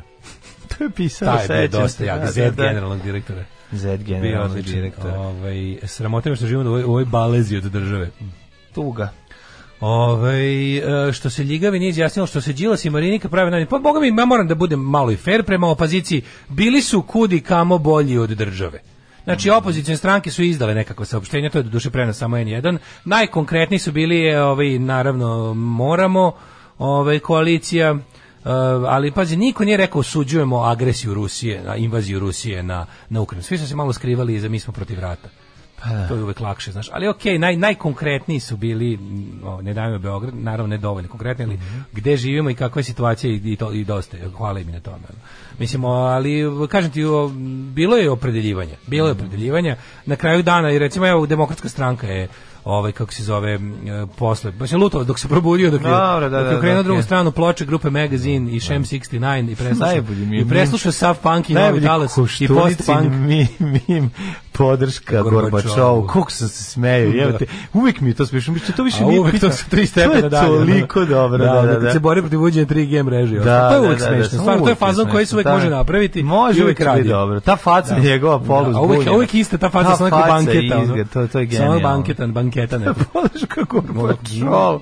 Po majku, ma kakva stativa. Demokratska stranka, u stvari, da budemo pošteni, mislim da je demokratska stranka dala zapravo najkonkretnije, da rekla stojimo, po, stojimo solidarno s narodom. I to je kraj, to je njihov kraj. Protiv ruski agres, mislim da su rekli tako na pa kraju. Pa daj, više. Da osuđuju rusku agresiju na Ukrajinu, da to je rekla demokratska stranka. Večeras će Vučić da osudi rat kao takav. Da, pričat ćemo o tome. To, to će izgledati tako. Osudiće rat, na, sad da. Ljigavac traži način da, da, da stisne. Da, na, na opšte mesta. Pa su i to će Pričat ćemo, naravno, ovo tek smo sada u Schopenhaueru, a vidjet ćemo šta mm, naravno pa sad tu pričamo o Ukrajini sve vreme. Pričamo naravno to. o tome, probaćemo da malo vidimo i u svoje dvorište, ali ne znamo da ćemo uspeti. Ove, ostanite da se uz nas. vlastito dvorište, labus. Alarm sa Daškom i Mlađom. Sve vas koji ne slušate na podcastu, mrzimo. Alarm sa Daškom i Mlađom. E, prvo je do da majka, onda špuri uz granice. A u majku, ljušte da pohvale na naš muzički izbor danas. A pa, petak znači, je malo treba da se... Petak je malo kvalitete, plus ovo su te, kako da kažem, jake... Napaljeničke ovaj, pesme. Napaljeničke, da se tako malo je. aktivističke, da se uradi šta treba, da se ubaci u pravi sentiment, da se, što mm. se kaže, odabere strana kad je to potrebno. Tako je. To je ono što je nama ono, uvek falilo. Meni je stvar od koje mi se diže kosa na glavi koju nemam je. Stvarno, to izbjegavanje da se to, to, to znaš, ono, nezauzimanje strane kad je to potrebno je za mene baš onako užasno me to nervira, užasno me po, užasno me pogađa kad ljudi oko. A to se zove svet, mislim, to ljudi nije sad levaju ono... da zauzmu stranu, razumeš? A mi smo u tome pa, majstori. I plus ono kao naš plus lice me, plus lice mi me pa dobro, pa, svet je, znaš, Evropa ipak odabrala stranu. Jezda ni ništa uradila sa time što je odabrala stranu, ali je bar odabrala stranu. Mi smo opet bili rupa u onom prelepom persijskom tepihu u Evropi kad gledaš mhm. šta javno mnjenje podržava. Znači stvarno ono to je to, to mi treba pričati, treba pričati. Mi Belorusija jedina rupa koja je na strani agresora. Ali ne samo, znači, nije, ne radi se tu samo da si ti na strani agresora, nego to je duboko nerazumevanje dešavanja. To je jedna um, globalna, znači, ne, to... to je poganost featuring neznanje. Jel ono kao pa neznanje proizvodi tu poganost. Koliko je mislim. videti narod koji toliko mu duboko glava u dupetu da je to da. jednostavno nemoguće izvaditi napolje. To Mi smo narod koji misli da je 99. doživeo najveće zlo i nepravdu u ljudskoj istoriji. Ti znaš da ovde ljudi misle da je NATO intervencija nešto najgore što se desilo ljudima nekim bilo gde bilo. Pa to je njima najgore što im se pa desilo. Da li super što mi imamo sve sve žive vlasti, sve to je narativ koji se ojačao kao tipa mi smo tako bili mi smo tako bili super i progresivni, sve nam je bilo dobro i onda je 99 došao NATO iz bomba. Pa čekaj, ja sad jedno pitanje. Kako slušaj... mi kako mi možemo da kako onda mi imamo tako dvostruke standarde uspešno da da razumemo koji smo pakao prošli, a sad kad e, pa to sad Ukrajina doživljava isto. E, e, to je sad deo. E sad to Ovo je bio deo glupo, znači da rekao pogana kombinacija poganosti i gluposti. Gluposti u tome što mislimo da je NATO intervencija 99 nešto najgore što se ikad desilo ljudima bilo gde i bilo kada, a poganost je što onda poučeni tim iskustvom mi želimo i dru, da i drugi prođu kroz to, a ne da niko ne prođe više kroz to. E to je poganost, to je deo poganosti. To je znaš oni ljudi, ima ljudi Znaš kada meni je najbolji primjer toga ovako, kada kada žene pričaju o ženskoj solidarnosti, pa imaš mhm. onako imaš imaš dobra žena i prava solidarna žena, da ne kažem Kako feministkinja. mene nikad je, nije o, ne, To je, ne, to je žena koja je uspela u muškom svetu, a da. zatim merdevine koja je jedva popela. Povukla. Ne, to, ne. Da. ne dobra osoba ona koja je ostavila te merdevine, da. ojačala ih, E, zakucali da se ne mrdaju, pojačala pragove na tim merdivima, stavile da ne vrludaju levo desno, da druge žene mogu da se popnu lakše, da ne prolaze kroz pakao muškog sveta dok ne postignu nešto. Govnara je ona koja kad je uspela nešto u muškom svetu, šutne merdevine dole, da bi sledeća žena isto prošla što i ona. E, tako isto još pogan čovek je onaj i uopšte čovek koji je čovek kojeg loše iskustvo ne napravi boljom osobom, napravi ga gorom osobom. Mm, I recimo mi koji smo prošli kroz neko loše iskustvo, mi smo u fazonu sad svi tako. Ako mi, onda i svi. Pa da li ja čak mi ne mislim ni da tu ima. To je poganost. Pe... To je pa poganost. Pa, znam šta je poganost, nego me zanima jedna druga stvar. Ljudi su, mislim, ovde izloženi dezinformacijama jako dugo vremena. Mislim, to sad već Naš minimum proteklih 10 godina ponovo. to više nisu dezinformacije. To je odabiranje. Kako nisu Može su nam dali heroin par puta se navučemo. Sad ga sami tražimo. To Ti znaš da naš čovjek traži lažne izvore informacije da mu potvrdi ono što već misli. Neće da vidi drugo. Ne možemo više da zabudamo glavu, pa mi smo pogana nacija. To je jednostavno tako. Pogana to treba. Jesmo pa pogani. Ne, pa pa Šta ne možemo? Pa može. mislim nisi pogani. pogana nacija. Jesmo pogana nacija. Pa evo ja ti kažem da ne postoje pogana. Pa brate mili, postoje nacije koje izvini, postoje periodi, postoje periodi, postoje. Postoje periodi u kojima nacija. Šta je bila nemačka nacija 33 40? Pa nije bila. Šta je bila nemačka nacija 33 40? Bila tad je bila pogana nacija. Bila pogana naravno. Bila pogana nacija, nego bila nacija koja je bila izložena, da, koja je bila izložena? Bila je izložena nacionalsocijalizmu. Nacija saučesnika, ne nacija žrtava. Pa. Znači ti možeš biti nacija žrtava do jednog momenta, a kada prođe moment onda postaješ saučesnik. Da. Žrtva si neko vreme, a kada nećeš da izađeš iz toga, pružiti ti se prilika, a ti odabiraš i dalje da ne znaš, a i da zatvaraš oči i da uživaš u svojoj poganosti, onda si jednostavno kolektiv pogan. Sad da li to grad, opština, nacija? Mi smo nacija koja je zacrla poganluk. Mi smo pogani prema sami sebi, pogani smo ka napolje i zato ćemo propasti i zato ćemo nestati u sledećem 21. veku. To je malo drugačije stvari. To ovaj, funkcionišu, ne, ne, ne izgleda tako. Prvo prvo nisu, ne postoji pogana nacija, postoji postoji jedan istorijski period u kome o tome i priča. nažalost nešto može da ti o tome i priča. Da se S tim što da naš istorijski na period traje već toliko dugo. Pazi, Nemačka se iz nacionalsocijalizma izvukla, upala u njega i izvukla za 12 godina. A izvukli mi, su je, mislim nisu. Šta god mislim. Na, da, izvukla je strane intervencije. Nek neka je. Pa nek na, naš strana intervencija zakopala dublje, mislim. Mi nismo imali strane intervencije. Imali smo strane intervencije. Ta strana intervencija nije nije značila pa. dolazak okupatorske vojske i denacifikacije. Pa dobro nije. Tako da ono molim te, znači Ali ti to kažem, nije čekaj, čekaj, izvini, mi se mi se vuglimo u blatu sopstvene zlobe već 30 Slažem godina. Se, zato što 30... smo vratili, ne 10 godina nije bilo tog narativa, vratili smo ga nazad. Zato što, zato što je kod nas normalno da je ratni zločinac heroj, zato što je kod nas normalno da je žrtva kriva, zato što je kod nas normalno, to je sve nešto što ćeš pročitati svaki dan u novinama. Kada čovjek u Srbiji ne bude bio trovan svakodnevno tim stvarima, za 10 godina naredna generacija više neće tako misliti. I to je cela priča. Poganost da je ovde uvezena i sipaju ljudi. Zalivajte poganošću. Odakle je poganost uvezena? Uvezena je medijima. Ja sam našim ubeđen da je homegrown. Pa, mislim, homegrown kako god Neka je homegrown, opet je neko to svakodnevno sipa. Pa, mislim, kako ti kažem, znači nije se čovjek rodio zao. Mislim, čovjek se jednostavno sto... ne, ne rađa se zao. Znači, nekoga je napravio zlim. Rekao, pa nije niko pa ne poganost, mi smo, upa, mi smo pogan, ja sam rekao, kad smo, ja sam tačno rekao kad smo plete, se zarazili pa, i ne pokazujemo želju da ozdravimo. Nikakvu. Pa imali smo jedno kratko period Nikakvu, bio. Kratko. Bila je, bila je, bila je 10 godina. Ne baš reći se da nije bilo uf, tako. Nje, nije se primilo uopšte. Nije se primilo. Nije se primilo znači, zato što je zato što to bila mimikrija. Zato što to nije bilo tačno, zato moramo sve te moramo ekipe se, moramo su... se vratiti na koncept lične ne. odgovornosti malo, zato što Ali, apsolutno to da me ne, to da to da mi ne možemo, a hoćemo, to nije tačno, mi nećemo. Ne, nije tačno da mi ho... ja ti ne govorim da mi ne možemo, a hoćemo. Ja ti samo govorim na koji način se oblikuje neke ne, ne, neki prostor i na koji način ti možeš ljude da kao što naš čovjek kad ode u inostranstvo kad uđe u drugačiji sistem prestane da ono funkcioniše na taj način iako potajno možda u svojoj glavi misli ovo ili ono na kraju će ga ipak zakoni i uređena država primorati obučavati. Pa primorati ga na kraju njegova sledeća generacija će postati to, to će im biti normalno. Ne mora njegovog sina da primora. Možda ono Dragoslava Parezanovića mora, ali njegov sin koji se rodi u Nemačkoj zabole ga što ćale zida kuću da bude veće od komšine. On to neće raditi. Mislim, hoću ti kažem da jednostavno nije to tako jedno, nije to samo tako. Znači ima tu milion okolnosti o kojima treba uzimati u obzir kada se iznose neke takve tvrdnje i jednostavno to pogled, zašto ne znam čega je to ovako važno. Zašto treba vidjeti kako se rešava to. O tome se radi. Ja mislim da se da da, da postoje Mi to ne, mi smo gotovi kao nacija i nećemo pa, to dobro, ne Znači da mi smo prešli, kao. mi smo da. predugo, premalo nas ima, sa, a da. predugo smo ovako. Znači nemoj da ovo je stvar koju mi mm. nećemo nikad saznati. Pa, ali pa, u 22. veku, 22. veku neće biti ono što se zove srpska nacija i srpska država, sigurno. Da. Znači ne mogu ne, ne nemam šanse da ti to dokažem jer nećemo biti živi tada. Da, ali mi smo prešli tačku uništenja jednog kolektiva koji se zove nacija zato što smo jednostavno dušno radili na tome. Ne može se ova količina međuljudskog zla koje mi jedni drugima na prvom mestu ono radimo svaki dan. Znači to jednostavno nije moguće da ostane kao kolektiv koji je zaslužuje da ima sopstvenu državu i to nije moguće. Jednostavno ne mora da propadne. Nema nas. Razumeš? Da. Premalo nas ima, ima nas sve manje, a to je ponoviću opet stih od kud idiota, kad je glupost velika, propast tad je pravedna. Kada neko dobije 106 šansi da se jednostavno okrene nečemu drugom, a neće, a neće, mislim ne vidim šta drugo može da nas desi. Pogledajuće anketu na ovom kako se zove na N1. Znači, anketa na N1 je potpuni poraz. Jeste, ja se slažem skroz. Potpuni mislim, to je, poraz. Nažalost je tako. I sad opet imamo jednu čudnu situaciju da evo recimo, znaš, evo gledam recimo Blic. Da. Evo Blic je sad ovde, Blic je ovde, Blic će dobiti ribanje od, od srpskog naroda danas za ovu naslovnu.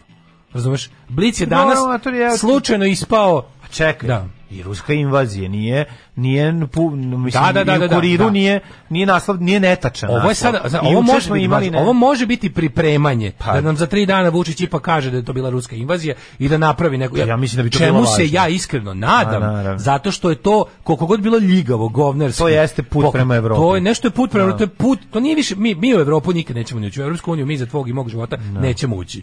Hoćemo jedino pod uslovom da to bude potpuno besmisleno i da ne više ništa ne, da više priča ničemu ne služi. Ali to je put na, jer Vučić može da odabere i put izolacionizma. Vučić mm. može, kažem ti, oni su se dovoljno nakrali, oni su dovoljno resursa uzeli i oni mogu dovoljno, kao što jednostavno ni tog Putina niko trenutno ne može na svetu da zaustavi. Jer, znaš kako možeš da ga zaustaviš? Ako odlučiš da prekršiš taj med protokol. A to je kraj civilizacije. I niko nije spreman čak ni po cijenu da mu daju. Ja ne znam šta je njega juče zaustavilo da, da ne uzme recimo sve što je bilo u ovoj u ruskoj imperiji ili u sovjetskom pa savezu. Pa zaustavilo ga je. Pa ne znam šta ga juče zaustavilo. Zašto juče ni on može vojskom sutra tako da upadne u Estoniju, Litvaniju. Pa znam, mogu sutra tako je onda da drugi vojski da napadnu njegovu državu i to je šta je sad onda? Pa, Izgubiće i on sve, mislim. Pa mogu, da. Pa, mislim, da, da. ali onda će, ali čekaj, ali onda on lik koji kaže meni se sad baca nuklearna bomba. Pa i oni kažu i nama se baca na tebe. E pa to je kraj. problem. Pa neće ni on taj kraj ko što ni ovi. Neće. On hoće taj kraj. Ne, to je sasvim moguće. Ne, on hoće da ono uživa u u, u svom Meni on izgleda kao čovjek koji uživa ni u čemu. Meni on bukvalno izgleda kao taj odvratni nihilista koji apsolutno ima druge neke ono ludačke istorijske carstvo nebesko ambicije. Ne znam, to on ima 20, on 22 zato, godine vlada. Zato ga se i plašim toliko. On 22 godine vlada. Dobro, on jeste obolao od znači, sindroma apsolutno neograničene vlasti ali viš da je poludeo, mislim, on, sad, on ovo radi, pa si ti što juče dao kao zvaničan naslov, uh, Ukrajinu je potrebno demilitarizovati i denacifikovati, pa će on to da obavi. I to je znači razlog i pa, da, pa izlazi juče kaže, pa ne, uh, rekao, teška nećemo... srca, da. teška da. srca, objavljujem ovo jer kao, bio sam primoran na ovo, kako da. si bio primoran? Aj mi objasni kako si bio primoran kako si bio primoran na ludaku da užas, bre, užas, užas. Ludaku to je, jedan. To je, on je ono, ja sam odlučio da susednu nezavisnu državu treba im ukinuti vojsku. Pa to je, mislim, to je definicija agresije. Pa da. Pa dobro, svi znamo da je to agresija to, to, što to, je, to je lep način da kažeš, e, smatram da susedna država treba da bude moja država. I onda su oni upali, evo šta se desilo? Mada juče pazi, e, kako je krenulo u toku prepodneva. Ja sam mislio da će cijela Ukrajina biti osvojena do uveče. Znači, to Osvojiće.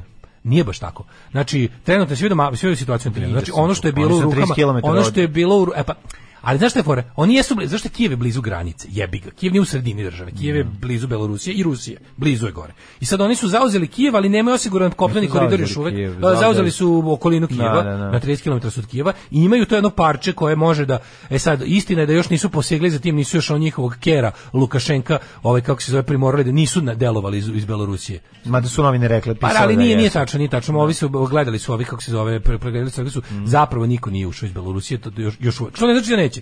Da. I sam Lukašenko je rekao, ja sam spreman da pošaljem i našu vojsku, na, mislim, mi smo, mi smo ruski kerovi, nemojte da, da. brinete uopšte da. o tome. Ako ovaj, ako ovaj zazviždi, mi ćemo to uraditi, nije problem.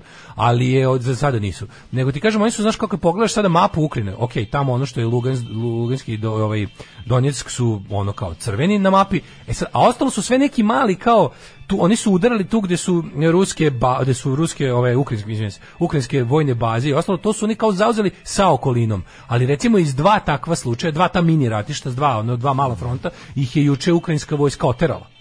Razumeš, na primjer, oni su bili tu negdje blizu, uspeli su recimo da zauzmu Černo Pripjat, ovaj to jest Černo, da. ne grad Pripjat, nego baš Černobilsku ovu, ali oni su sad u fazonu tako drže to kao ono što, što se kaže u vojsci, ono securing the perimeter. Da. O, imaju jedan konkretan cilj, ne kao gradovi ili nešto, nego su zauzeli tipa vojnu bazu, neku instalaciju, nešto i onda tu kao osiguraju se. I sad onda, onda kao ukrajinska vojska pa, to da sad moguće, napada da vrati. Pa da, moguće da onda... Neće biti baš tako lako, razumiješ? To neće biti lako, nego kažem će biti pitanje šta je on želeo i dokle, koji su njegovi ciljevi, nemaš, nemaš, nemaš uvid tome, da znaš šta su oni, svaki dan imaju ono šta treba da postignu, u, s obzirom da su oni prvi krenuli u napad i da ono imaju ideju o tome šta treba da osvoje, tako da ne, ne znam, ja sve nekako razmišljam da, da ne, valjda, valjda ne mislim, mislim, ne znam, valjda ne mislim, ne misli da mislim on može jedino da postavi neku marionetsku vladu ako padne Kijev da pa on ono da, to, će, to će, i da on pri pa sebi novog Lukašenka pa, ne Ukrajina to je imala prorusku vladu od 2004 do 2014 da. Tako, ona je kako se zvao onaj Januković da. on je ovaj kako se zove on je uh,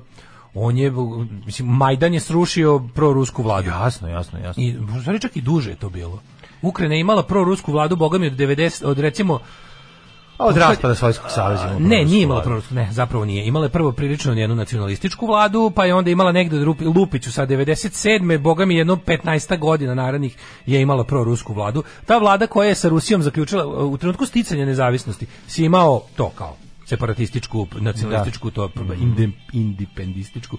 ali onda posle si dugo vremena ta, ta vlada koja je zaključila sve te štetne sporazume s Rusijom deo predaje nuklearnog ovoga, kako se zove, arsenala um, ukrajinskog SSR-a ovaj, Rusiji, bivšeg, pa onda o sporazumu o tom kao, a znaš da Rusija zapravo trebala da bude e, u tom, u tom sporazumu koji su, koji Moskva preko svoje to polumarionetske vlade nametnula, je, zapravo bila je varijanta da oni treba po tom sporazumu da njima predaju, a da Rusi njih štite, odnosno da poštuju ne. da, i da kao Rusija bude, kao Ukrajina da jača svoju vojsku, konvencionalnu, bez nuklearnog arsenala, a pritom kao Rusija je garant njihove granice na istoku. Međutim, ovi su, znači onda kao najsmešnije sve što kad to se promenilo i kad su ovi, znaš, ispalili, onda su ovi krenuli da se okreću NATO u pojačano, što je Rusija doživela kao NATO. Meni, meni je super, ja ne mogu da verujem, ja slušam, ja slušam od relativno pametnih ljudi to kao tipa kao, pa NATO se, pa čekaj, izvinite, ono NATO ne osvaja zemlje. Šta god vi mislite, njemu NATO ne osvaja zemlje, NATO se ulazi sopstvenom voljom. Znači NATO nije nigde upao i rekao vi ste od sada u NATO. To nije ni jednoj zemlji se desilo. Ni jednoj. Tako je Varšavski pakt nastaje. Da. I tako je nastao i tako i nestao ali ono što to meni meni je sere mi se od tih ono lažnih analogija, glupih paralela koje jednostavno nisu tačne. Kao, šta su oni mogli kad se NATO širio? Pa NATO se širi tako što ono kao ljudi u države same uđu u njega.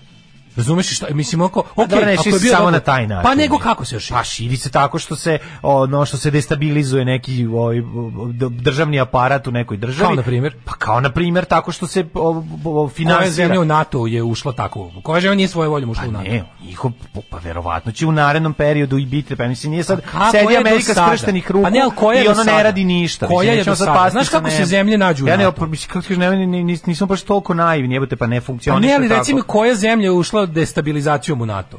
Pa sećaš se destabilizacije Belorusije od pre neku pokušaj da se skine ono. Šta misliš da Belorusija ima snage sama sebe da od da skine tog ono vampira Gde sa leđa. NATO? Mislim ne razumem. Pa mislim to su odnosi velikih sila jednim među drugim. Oh, to je to. A šta šta? Pa ne, ne reci mi koja zemlja ušla, koja zemlja? Ne govorim da jedna zemlja da ušla NATO, NATO, nego mislim koja zemlja je NATO stavio nož pod glavu ako morate s nama. Ne, da bi razumeli. Pa neće nikom staviti nož pod glavu, zato što ne radi na taj sistem. To nije taj sistem, ne, ne funkcioniše pa tako. tako. Je. To je sva razlika na svetu. Zato ljudi žele, zato ljudi idu na zapad, a ne u Rusiju. Da, razumeš? Da, da. Pa jeste, zato ljudi ceo život beže na zapad, ne, ne u Rusiju. zato što uopšte nije poenta. Ja ne kažem da tebe pričamo. kapitalizam ne zarobi na razne. Ali te zarobi u zlatni kavez, a ne u jebeni gulag sve razumeš? Ja ne, na iste, što se toga tiče, apsolutno smo na istoj strani. E pa, ja sam pokušao da ti, ti kažem da zemlje moraš, su moramo da NATO, da razumemo. Ž, ne razumem. Pa moraš da razumeš zašto će neko neko raditi, jebote, tih ljudi se tiče to. Da su znali da će ih onom verovali su da će ih zapad zaštititi. Od od Rusije nisu ih zaštitili. Znaš, to je potpuno druga priča. Pa to je strašno. Druga priča. To je važna priča. Rusija, jer onda znaš da će Rusija to uraditi. Meni je super što mi imamo kao varijantu kao ljudi stalno brkaju te neke stvari. E, Tipa, to, ono, to, to, je kao, američke ja ću te štiti, ja ću te štititi od sileđije, nemoj ništa da brineš. Ljudi brkaju godina ti neko trpa kako će te štititi od sileđi, nemoj ništa da brineš, a onda kad sileđi dođe, oni najstrašnije osude za šankom, e, a to tebe pegla. To je zato što pa se njima nije članica NATO. A Veze, to se njima desilo. Znaš, pa on je napao članicu NATO. Da je Ukrajina bila članica NATO, ne bi je tako. A on je ne bi napao. Pa da, pa, pa naravno. pa, pa mislim. A, a zašto je napao da ne bi bila članica NATO? Pa da. Pa mislim onda, pa onda, onda ko je tu sileđi onda? Ko je to silađi u ovom konkretnom pa, slučaju sada? Pa Rusi su Pa, naravno, pa, da. čekaj, čemu se priča? Ali, kažem, ljudi, brkaju, ljudi brkaju vojne američke intervencije po svetu i širenje NATO. To nije isto. NATO je konkretno North Atlantic Treaty Organization. Znači, to nije kada, kada Amerikanci upadnu u Afganistan, to nije širenje NATO, da. razumeš? To je nešto drugo. To je američki imperializam koji je nešto sasvim deseto. A ovo kao u NATO se ulazi dobrom voljom i šta više, to nije nešto da te vuku, to je nešto za što treba i da zaslužiš na kraju krajeva. Ja znači to kad da... mi mislimo kako mi, kao mi nećemo nikad u NATO, niko nas nikad nije ni zvao. No, da, niko no. nas nikad nije ni zvao. Znači budimo malo realni, to što ljudi imaju te svoje romantične predstave kao uvek je lako na naš Amerika uvek kriva, Rusija uvek super, a izvini, a to su gde su, gde su silne ruske intervencije po svetu? To šta je Sirija, šta je, da. razumeš, to sve što se dešava kao, a Rusija nije imperialna sila, ma nego šta je? Šta je Afganistan, šta je, šta je Sirija, šta su svi ti silni ratovi po tom regionu koje Rusija stalno pravi i upada svojom vojskom u druge nezavisne zemlje. Mm, to su se, mislim, to su gluposti koje se pričaju kod nas. Mi pa da. znamo da je to besmisao, ali ti kažemo upada ono... svojom vojskom u druge zemlje. Sad ja ovdje ispadnem advokat NATO zašto samo kažem kako jeste. Pa mislim, ne, šta da ne, ne, što je advokat NATO, nego treba jednostavno biti svestan toga na koji način NATO širi svoju utice da bi znali kad će, da, se, da bi znali da ovakve stvari mogu da se dese. To je suština priče, a ne zato što je, ne znam, neko o, uradio ovog trenutka dobro ili lošu stvar, nego jednostavno ti ljudi su naj 40 miliona ljudi su najebali zato što se velike sile zajebavaju. I sad će oni da prođu kao što smo mi prolazili, kao što prolazi, mislim, to je užasno, jebate. To je jeziva stvar. Mislim, ti ljudi su pre dve godine imali tamo festival i normalno se zezali, prošle godine živeli normalno do, dok nije ono imali normalnu državu, više nemaju normalnu državu, ono Rusin kucaju na vrata, mislim. Mene samo boli to, znaš, to tako neko opšte mestašenje, tipa sve su tu interesi velikih sila. Pa nisu to sve Rat interesi, nije dobar, istina je uvek negde na sredini. Pa Ovo je nedvosmislena ruska invazija na pa jednu jest, normalnu zemlju jest. koja je htela da živi normalno, koja je htela da izađe iz ruskog zagrlja, a iz toga se ne izlazi. Nažalost je tako, e, da. I to je to da, treba da. tako reći, a pa neko, znaš to su sve interesi velikih sila, ne jebe običan narod. Pa ne jebe običan um, narod, rat je pakao, uh, istina uvek negde na sredini. A to nije tačno. Pa to je to je to su najgori izjave na svetu. ja to nisam pa rekao. Pa nisu ja ali znaš kao, ali kad mi kažu, ja to sve su to rekao. interesi velikih sila. Znači jebi ga. Pa u ovom slučaju praksa. jesu jebote. Ovo ne zna šta, ne znaš šta ti više, ono nije jasno. Razumeš, oni zbog čega su zbog čega je on ušao zašto je uradio to i zašto niko od nijedna, osim najstrašnije osude, niko nije stao u, u odbranu Ukrajinaca, bilo kakvu. Zato što je to tako, ja ponovo ti kažem, najebaće obični ljudi i to je tako. Što je to opšte mesto? Kaže, Crna Gora nije svojom voljom ušla u NATO, nego čijom voljom je Crna Gora ušla u NATO, jer je NATO upao u nju i primorao da bude u tome. Mislim, ili je kako je to kako je to Crna Gora ne svoje voljom ušla u NATO? Objasnite mi. Mislim da je jedina stvar važna u ovoj sad priči da razumemo da se ovakve stvari, da, da, bi, da razumemo da ovakve stvari mogu da se dese, a mi to nismo verovali. Ti i ja prvi nismo verovali da Rusi da će Rusija napasti Ukrajinu. smo verovali. Ja, nismo. Ja, ne, Evo ja da sam, da ja sam mislio nas... da je moguće, ja sam mislio da je moguće to kao Dobre, da, možemo da- poslušati našu da, petka, da, pa ćeš vidjeti da nismo ja rekli da neće. Ja apsolutno bio ubeđen da se to neće da niko nije toliko da je to jednostavno prevelika cena, da da je to ogromna zemlja od 40 miliona ljudi, da neko se ne može tako e, surovo zajebavati s e, time. E, e pa može i to nije bio NATO. Eto. Jebi ga, to nije bio NATO. Šta A ne kaže niko da je bio NATO, je, znaš, jebate, govorimo pa ne, sve, znamo šta... Stalno ima taj neki narativ kad se, kad se okleva da se nedvosmisleno osudi ruska invazija na jednu zemlju. Ne okleva se ništa, to je da invazija na jednu zemlju. Nije to ne, govorimo samo o tome što baš šta tako, treba. To je baš tako. Govorimo samo o tome da treba jednostavno zarad ljudi koji žive na tom prostoru znati šta treba raditi i kako, kako funkcionisati u trenutku i da su ove stvari moguće. Pošto mi očigledno nismo, ono, ne umemo da bistrimo svetsku politiku i da razumemo da, stvari, da su ovakve stvari moguće, živimo u mehoru, a ove ovakve stvari su moguće i to je jezivo. Tako da to je, to je suština priče. Aha. Ali je bilo kasno. Alarm sa mlađom i Daškom. Eto, za slučaj da niste bili sigurni na čijoj smo strani, ovaj, imate i pjesmu. A u 9 sati i 10 minuta, da li ja daleko u trećem satu? Ja bih htio da se manemo našeg, ovaj, našeg, naših ovaj, prostora i da pogledamo za mene. Za mene su juče, heroji jučerašnjeg dana zapravo bili Rusi koji protestuju protiv rata. Pa, to da. su najveća muda na planeti mm -hmm. Zemlji mhm. juče iskazana. Mm -hmm. Znači, ja sam to juče baš dosta pomno pratio i Tako da dosta me je porazilo što je javno mjenje u Srbiji ovaj, više naklonjeno ruskoj invaziji nego u Rusiji. Imam taj utisak, stvarno. Mislim da je Rusija velika i da verovatno teška manjina trenutno protestuje, ali nije baš ni bila tolika manjina zapravo. Ako pogledamo da u svakom velikom ruskom gradu bilo protesta protiv rata, negde je to bilo nekoliko desetina ljudi, dok je, boga mi, recimo u Sankt Petersburgu su bile hiljade. I on je bio jako velik protest onda je bio jako velik protest, ako računamo da je to u zemlji u kojoj je iskazivanje protesta protiv bilo koje odluke vlasti su višegodišnji zatvori, mm -hmm. rezultat toga, to su za mene najhrabriji ljudi na svetu juče bili. Jesu, znači, stvarno. A, ljudi koji trpe rusku invaziju u ovaj kako se zove u svojoj domovini su juče bili verovatno najveće žrtve na svetu, a dok su ljudi koji su iskazali revolt i protest protiv ruske invazije u samoj Rusiji su stvarno gledao sam šta su radili oni snimci onih ljudi igra primjer čovjek u jednom malom mestu kako se zove malo mesto naravno je malo mesto za naše pojmove kako se zove grad e, Moskva Bože, kako se zove grad bio je bio je značajna značajna tačka u, u kad je bila invazija u Barbarosi. Tula, mhm, Tula, aha. Da, čovek Tula. Tamo je čovjek ovaj čovjek je bukvalno izvadio, znači spremio je bio no, ono njet vojna, ne ratu Mm -hmm. Znači ne čak ni ono taj jedan onako antiratni opšti mm -hmm. transparent Lik je bukno čim staj došao na trg. Došao odnog ga pandur. Mlađu, on nije stigao ni da, da razmota taj papir. To je bio A3 papir da, na kom da. je on markerom napisao vojna, vojna, vajna, mm -hmm. net ili net, vajna, ne znam kako kaže. Uglavnom, on je nije stigao još ni da ga mhm. razmota. Ona dvojica sa onim, da, da. onim šubarom su godne. Sa šubarama su ga pa spakovali, da, izlupali da, da. ga na zemlji. Još dvojica da. posle došli i ubacili ga u kombi. Znači, tako izgleda, pro, tako izgleda strašno je što se naši ljudi lože na to.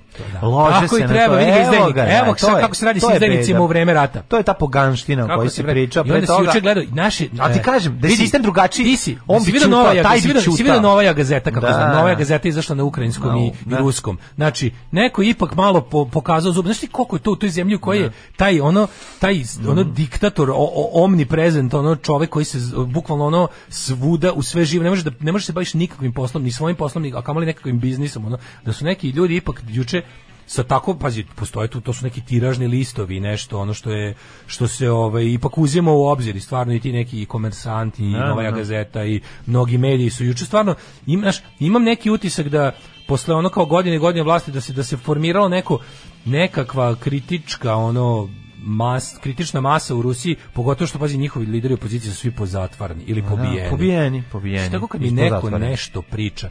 Pazi, kada recimo Amerika ulazi u pa, imperialističke, da Amerika i Britanija ulaze u imperialističke ratove. I da shvatiš da, je, da ljudi koji žive u San Petersburgu verovatno su i ono po, po, po, po nekom ono njih je odredio, mislim, to je ogromna zemlja, njih i geografski razvitak i, i, to, i istorijske okolnosti su ih navali drugačiji su, znaš, razliku... razlika... To je zemlja koja, pazi, to je zemlja koja tri put veća od SAD, ima pa da. upola manje stanovnika. Pa to, to je re, redko preogromna zemlja. Redko naseljena zemlja, jasno, sve je to meni jasno. Ali govorimo o tome da Znaš kao, ja govorim o sistemu i o mindsetu i uopšte ono kao vrednostima koje jedno društvo ima. Znači kada Amerika i Engleska i ono te zemlje kreću imperialističke ratove.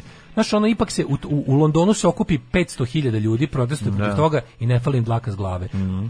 I Rusija nije zemlja koja ima javno mnjenje, da. demokratsko javno mnjenje. Znači, mhm. mi, ja, ja ne znam šta treba miza, miza američke, kad mi neko kaže, znaš, ono kao, e, ne znam, imaš Juliana Assange, da, Julian Assange je politički zatvorenik, mm -hmm. to, je, to je, ono, nepravedno je ali ono kao nije ga niko otrovao, nije ga niko ubio, nije ga niko, znači ima i jedan je, U Rusiji su u pitanju već hiljade ljudi. Tamo svako ko digne glas nestane. Pa jeste li vi jebao zbog normalno da vam je to isto? da vam je Ma to nije isto. što mi je nisto, nego što ih loži to, bre. To je poenta priče, loži ih čvrsto rukaštvo. Ma nekada slušam kao, se, a šta kao ima sanž? Ima sanž, nepravedno da, da, je, da. naravno, da. nepravedno a. je. Ali ono kao, znate vi šta bi, šta bi jedan ruski novinar koji je otkrio, Dobro, ko šta bi sva... ruski novinar koji je otkrio ono korumpiranu kupovinu tramvaja za Novorusijsk mm. Da. dao da je prošao kao Assange, a ne da su ga ubili kokjere i otrovali mu ono familiju. Znači, manite me ti pa gluposti. Otrovaće ono, ga da, da polako stavi. Tako da izgleda vidim, antiratni protest u Rusiji A kako izgleda antiratni protest u Londonu? Kako tamo, znači tamo postoji jednostavno, znači to, to su to je nebo i zemlja. Znači tamo postoje način da iskažeš bilo kakav kritički stav prema vladi. Možeš, mislim, mi smo na pola puta između Rusije i zapada u tom da. smislu. Da, da, da. Znači ono ja sećam, ja kada sam on kao ne, bliže smo zapadu sad ako ćemo iskreno, jesmo, mislim. Mislim da smo tačno na pola puta moguće protest. E, znaš koja je razlika? Što imaš recimo u Rusiji je zakonom zabranjeno. Ti, ti, znaš da kada da, ovde će ti pošalje ono organizovane batinaše, a tamo će ti pošalje. Na zapadu je sve dozvoljeno. Da. Ovaj da iskažeš protest kako god hoćeš, znači šta god da. kažeš, neće te država za to ovaj proganjati. U Rusiji nije ništa dozvoljeno zapravo zakon, a mi smo na pola puta gde je za, gde je zakonom dozvoljeno, a u praksi će ti će te polomiti ili ubiti mm. ukoliko zaista zasmetaš. I da. nije učestalost eh, učestalost nasilja prema ljudima nije kao u Rusiji. Ne. Da. Znači Rusija ima zakon po kom te ganja, znači koji kaže koji iskaže protest ide u zatvor za to, protest je nezakonit, a one ko eh, od, odradi nešto više od protesta, odnosno uđe u aktivizam, njega otruju ili ga ubiju, a u Srbiji je varijanta ono naš eh, tog neko kao po zakonu je ima imaš ti pravo da napišeš šta hoćeš, ali ti spali kuću. Da. Znaš, tako da smo na pola puta. Da, da, da, da. I onda juče gledajući naš, gledajući juče novosti, gledajući juče inform, gledajući juče da ono ja najbliže režimu, gledajući juče Pink, gledajući juče te sve ovaj um, ajde govorim baš o čisto srpski, ne o Sputniku i Raši Tudeju, nego o ovim srpskim medijima gledaš ono fuzon kao jebote, ono poslaće ruska ambasada zahteva ne preterujte s propagandom. Ja bi, pa to ti kažem, ne. Bukvalno ja... ono sad će javiće se Lavrov i reći aj nemojte biti veći ono Rusiji od nas, molim vas, ono smirite se.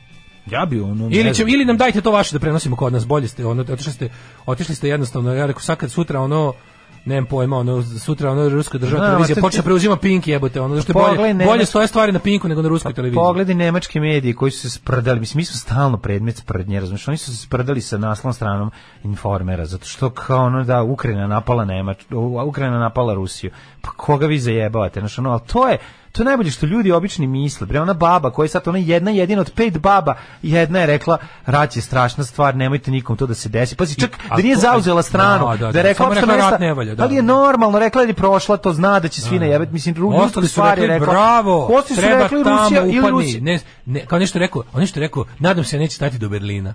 A oh, jebote. Meni je super kako je to kod, kod, kod naših da, tih, da, to je sve povezano. Znači, to je, da, to je, da, to je, da. to je srpska, kombinacija neznanja srpska desničarska, i, i bakatosti. Srpska desničarska papazijanija u glavi. Da. Tipa ono, fašizam, je do, fašizam nije dobar ako je nemački, svaki drugi je dobar. Ako je nemački, ući će im Rusi tenkovima u ovaj, kako se u Berlin. Da. Svi, da. naš fašizam je dobar, ruski fašizam. Svi, su, svi, samo nemački samo jer nemački je nas jako povredio jednom, znate. Ovaj, ali, ali, ali čekaj, ali ljudi koji su bili dobri s nemačkim fašizmom u to vreme su dobri. I to je to je to je takav ono men, mentalni ono ringišpil, da to mi ne možemo. Znači to je iko ko je nešto pročitao i zna u životu, ne može, možda poludio toga samo. Pa znam, miš jedna stvar jako važna, mislim, kad ćeš ti prići kad ti neko priđe sa mikrofonom da nešto kažeš, sklonit ćeš se, mislim, razumeš šta ćeš ti kažeš, nećeš se gurati da znači, kažeš nešto bez mikrofona. Ne, ja bih rekao ono kao, uh, pa, ono kao, osuđujem, osuđujem rusku invaziju i stojim uz narod Ukrajine i to ne da. bi pustili. Mislim, ne, jedan bi da, pustio, da, da, ali nisu našli, znaš, zato me je porađilo što pa je jedan nije da. našao ni jednu pa takvu osobu. Bilo je nek, bilo je posle, ja mislim da je posle bio još pa jedan. Kažem ti, jedan ne bi isekao to tog čoveka, da, nego ga nije našao. e, to me da. sjebalo. To se jebamo. Pa ja mislim da to jeste realnost. Mislim Tome budimo ovaj. budimo ono budimo realni. Ne, da, ali opet ti kažem sve su to Trebali su ići na moj Instagram. Trebali su ići da anketiraju na moj Instagram, tamo su svi dobri. To super, ne. Na tvoj Instagram i na tvoj na tvoj ovaj kako se zove Twitter, Twitter da, da, da. Tamo su trebali praviti anketu, tamo su da. svi dobri, a na Instagramu su mi A da ne gledaju show more. Da ne da- gledaju show more. A show more replay za da, da. ne gledaju. Tamo su trebali, pa da ispadnemo lepše. Ne znam, jako je tužno. Jako je tužno kad vidiš te nesrećne ljude koji zaista su nesrećni ljudi, sivi krivi su, razumeš? I kad vidiš njih kako se raduju u tuđoj nesreći uz potpuno razumevanje i uz ono poganštinu 200 na sat odvrnuto, misli i tužno je, i jezivo je. Ali ti ponovo kažem, da ne možemo mi opet imamo tu opet imamo tu osobu koja se popela gore i ponela merdevine sa sobom razumeš i ta koja se popne će poneti merdevine i neće dozvoliti nekom mi ne razumemo ništa. Mi živimo ne, ne, u mitu, mi, mi, mi živimo u laži. Mi smo iracionalni, mi možemo da budemo racionalni. A znate, bili smo iracionalni 50 godina pre toga, pa si 72. u Beopiti Beograd bio svet. Jebote, nije to, razumeš, ono, kako ne shvataš. Ovde se jednostavno neki Možeš ti biti iracionalan, kapiraš, ne za da koliko. Da, ti možeš, među svojim sličnomislicima, kada, Mora da se utara. kada, doteraš, kada doteraš argument do kraja, u jednom momentu izgubiš podršku, jer jednostavno emocije nadvladaju nad razumom i onda bude varijanta kao tipa, sve što ti kažeš je ono, ne, dalje više ne mogu da te slušam, jednostavno mi ovo ide previše pre preko moj naš kao kad kažeš neke stvari kao moje prethodno uključenje, kažeš neke stvari ne može možeš kao NATO ne može nikada da biti može biti samo čisto zlo. I ti kada kažeš Pa ne slučaju, može biti pa to. Pa, pa za sada je tako, razumeš, ono, ali kažem za sada je tako, jako je dugo to traje 30 to. godina. Pa tra, da, zbog da, da. toga kažeš zbog toga se mi nećemo izvući i u 22. veku neće postojati ni Srbija ni nešto što se zove srpski narod biće biće raspršiće se na okolne narode države neće neće biti ove države, neće biti ovog naroda, bićemo kao neki ono uključićemo se u, uključićemo se u druge države i u druge narode. I to je tako. I to je što bi rekao Vesić tako. 9 je časova. Radio Taško i Mlađa. Prvi program.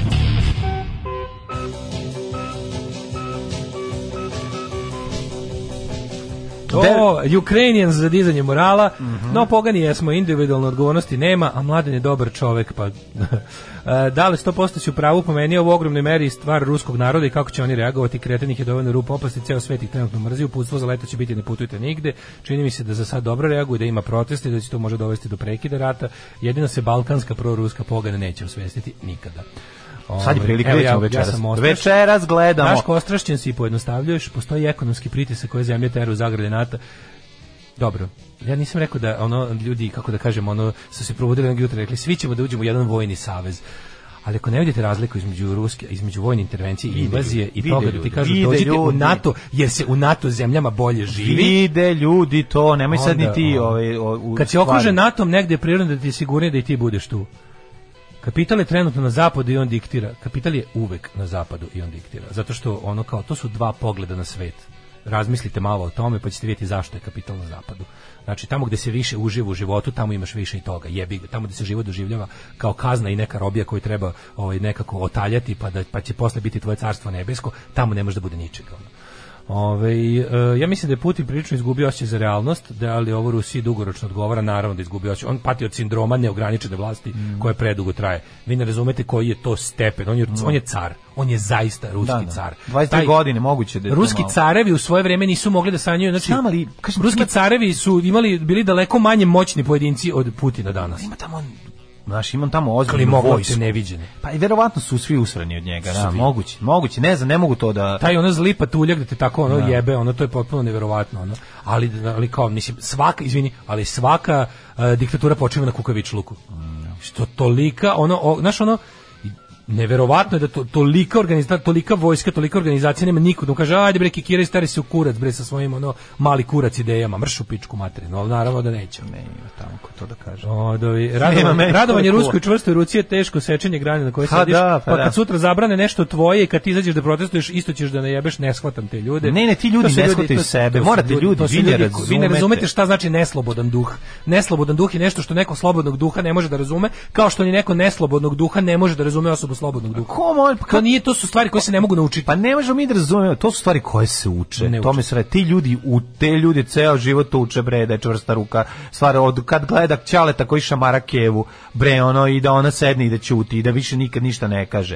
I ona njemu se digne na ćaleta zbog toga. Što je ono što je ošam, ošamario kevu, malo mu žao keve, a mu ipak drago što je da vratio na e, mesto. To je suština, pam... jebote, ti ljudi žive tako. Pogledaj juče te ljude koji su ono startovani na ulici. Pogledaj ga one jebote te prepoznao sam ga po jakni, što bi rekao onaj u, u, u tekstu koji nam je poslao na onom 30 godina nosi istu jaknu. Jednostavno ono ne može, to je to je duhovna beda i i finansijska i sva druga. Siromaštvo je jedno i nonstop samo zatrpavanje govnima. Govna, govna, govna, govna. Glinem juče ženu jebate, našminkana u nekoj jak, nešto lepa žena, kupuje informer, u pičku došlo mi da je pljunem kad sam je video ona na trafici, da pljunem u facu, da kažem ono jebem ti mater, ono ja, šta sa radiš? Ne može, to je jednostavno više ovde su stvari ono toliko sjebane znači ona ona uzima u kojoj vi novine u kojoj piše da ona eto samo eto samo je pitanje kad će ono Ukrajina upotrebiti tajno oružje protiv Rusa znači mislim to je sudo je totalno znači to to ali eto mi živimo eto ti bezi. sad toliko dobrom čovjeku pa zar tako mlađe zar nekog da pljuneš i jebem ti mater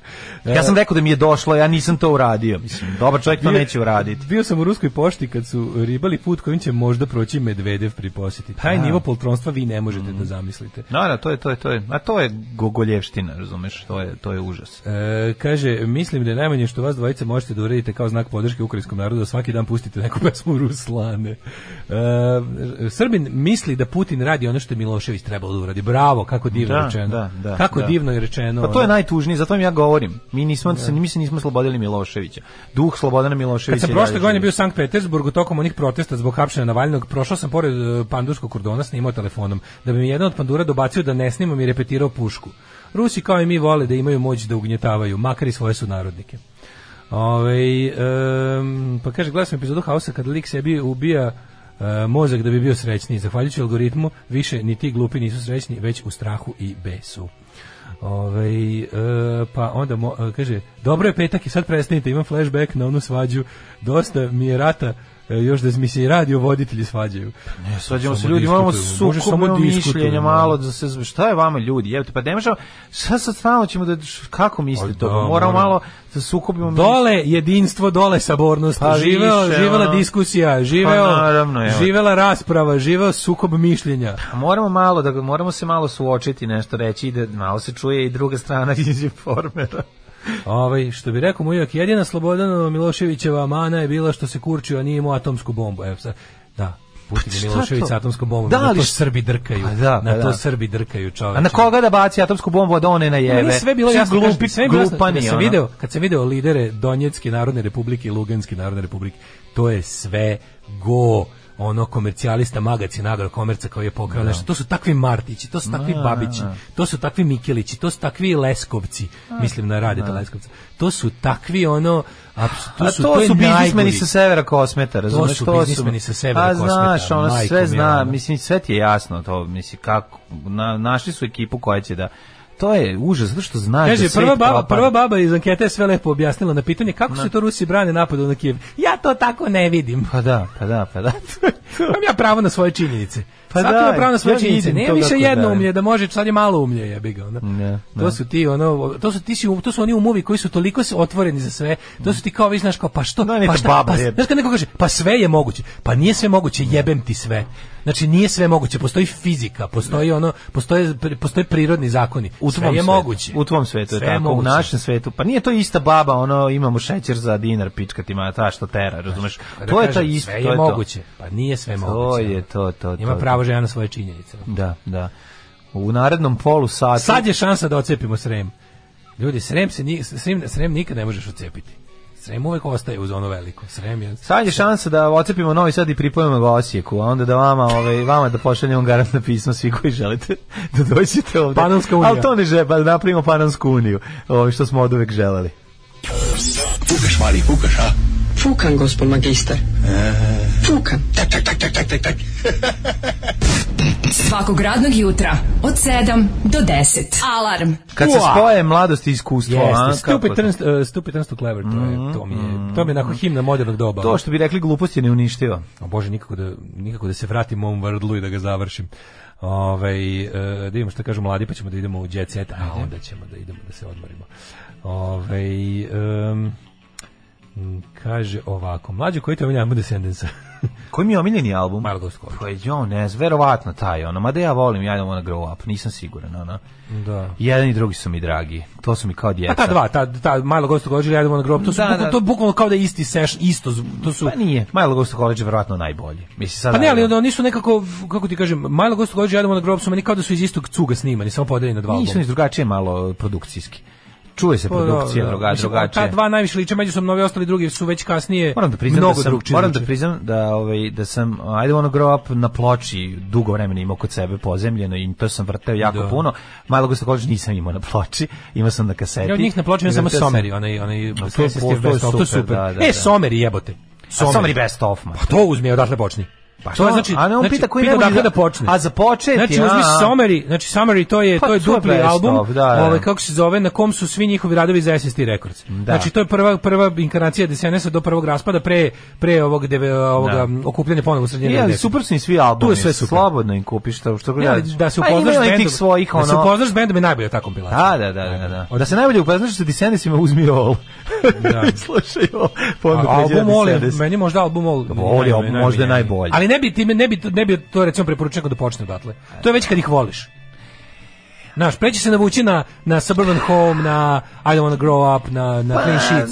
Ne znam, sko, kažem ti, ako si mlađi, više će ti prijedati My World i te tako, da, deračke, pankerske stvari. Ne, da, da, da navučeš nekog na da band ono... bi uvek rekao, Ne znam, ne mogu da se odlučim. Nisam pametan baš da dajem savete vezano za Descendants. Uzmi šta god uzmiš, beć ti drago. Da, da, da, najveća povijesna nepravda je što Srbi nisu imali atomsku bombu u 90-ih.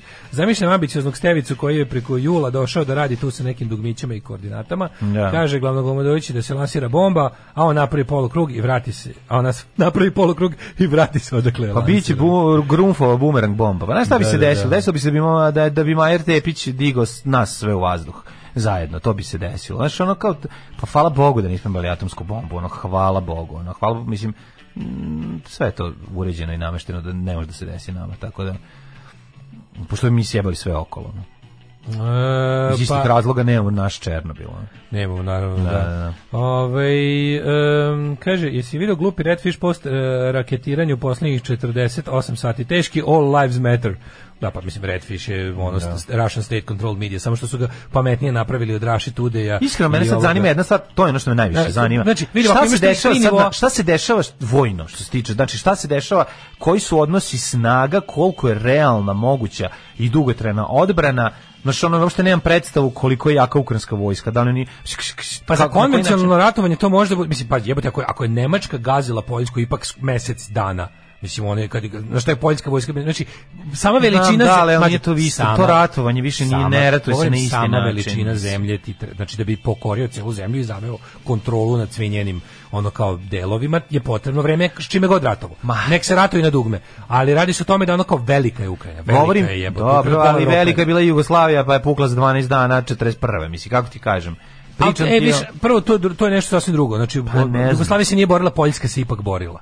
Znaš, Poljska se mnogo više borila. Pa dobro, od mjesec dana pala. Ali se mnogo više borila. Pa znači, jeste, ali, da. Uh, kažem ti da razlika u, mm. razlika u snagama vojski je mm. ipak ogromna. Znači, Wehrmacht da, je bio da. jači da. od poljske vojske 50 puta. Pa ali, i ovdje je ta varijanta. Pa ja mislim da onako, znaš, for ruska vojska, Ukrajina ima dosta ljudi, dosta trup, dosta trupa ima. Recimo, ja mislim da je ono, Rusi su recimo duplo brojniji. Ne, ne više nego duplo. Gledao sam neke poređenja ovaj, tehnike i ljudstva. Znači, u da. jedni i drugi ulazi u rat. Rusija tačno du, dužine. Rusija duplo jače ulazi u ovaj rat. Duplo. A, da, znači, pa, jedino tako i može da, da Duplo jače da. ulazi da. u rat, ali opet kao, znaš, toliku zemlju, znaš, mislim, jebe mater ono kao i kad isto kad je Wehrmacht pa ulazi u Sovjetski njih... savez ušao je preko Ukrajine. Znam, pitanje šta su njihovi ciljevi, mislim i to je ono. Pa ja isto mislim da pu, da Putinu možda nije kratkoročno. Ja mislim mislim da Putinu cilj da Ukrajina bude njegova, da ono kao da to bude.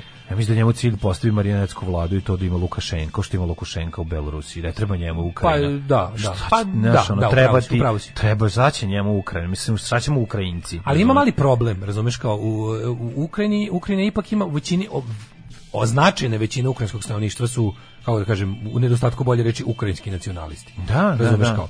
Uh, Ukrajina ima mislim taj to je oni su mogli da oni su imali neke naš to nije baš situacija, ajde recimo da uporedim sa Crnom Gorom. Crna Gora je negde kaže Kosom, šta ćemo naš. Ne, ne, govorim ti o, kao, o raspoloženju stanovništva prema tome da li oni žele da budu svoje, svoje zemlje ili da budu deo neke druge. Pa šta da budu svoje zemlje? Da. Pa da. Isto kao što crn, naš, nije nije ogromna ono većina, ali ali ipak značajna. Kao što da. je kao što recimo naš kao crnogorski referendum je prošao sa ne znam skoro 60%.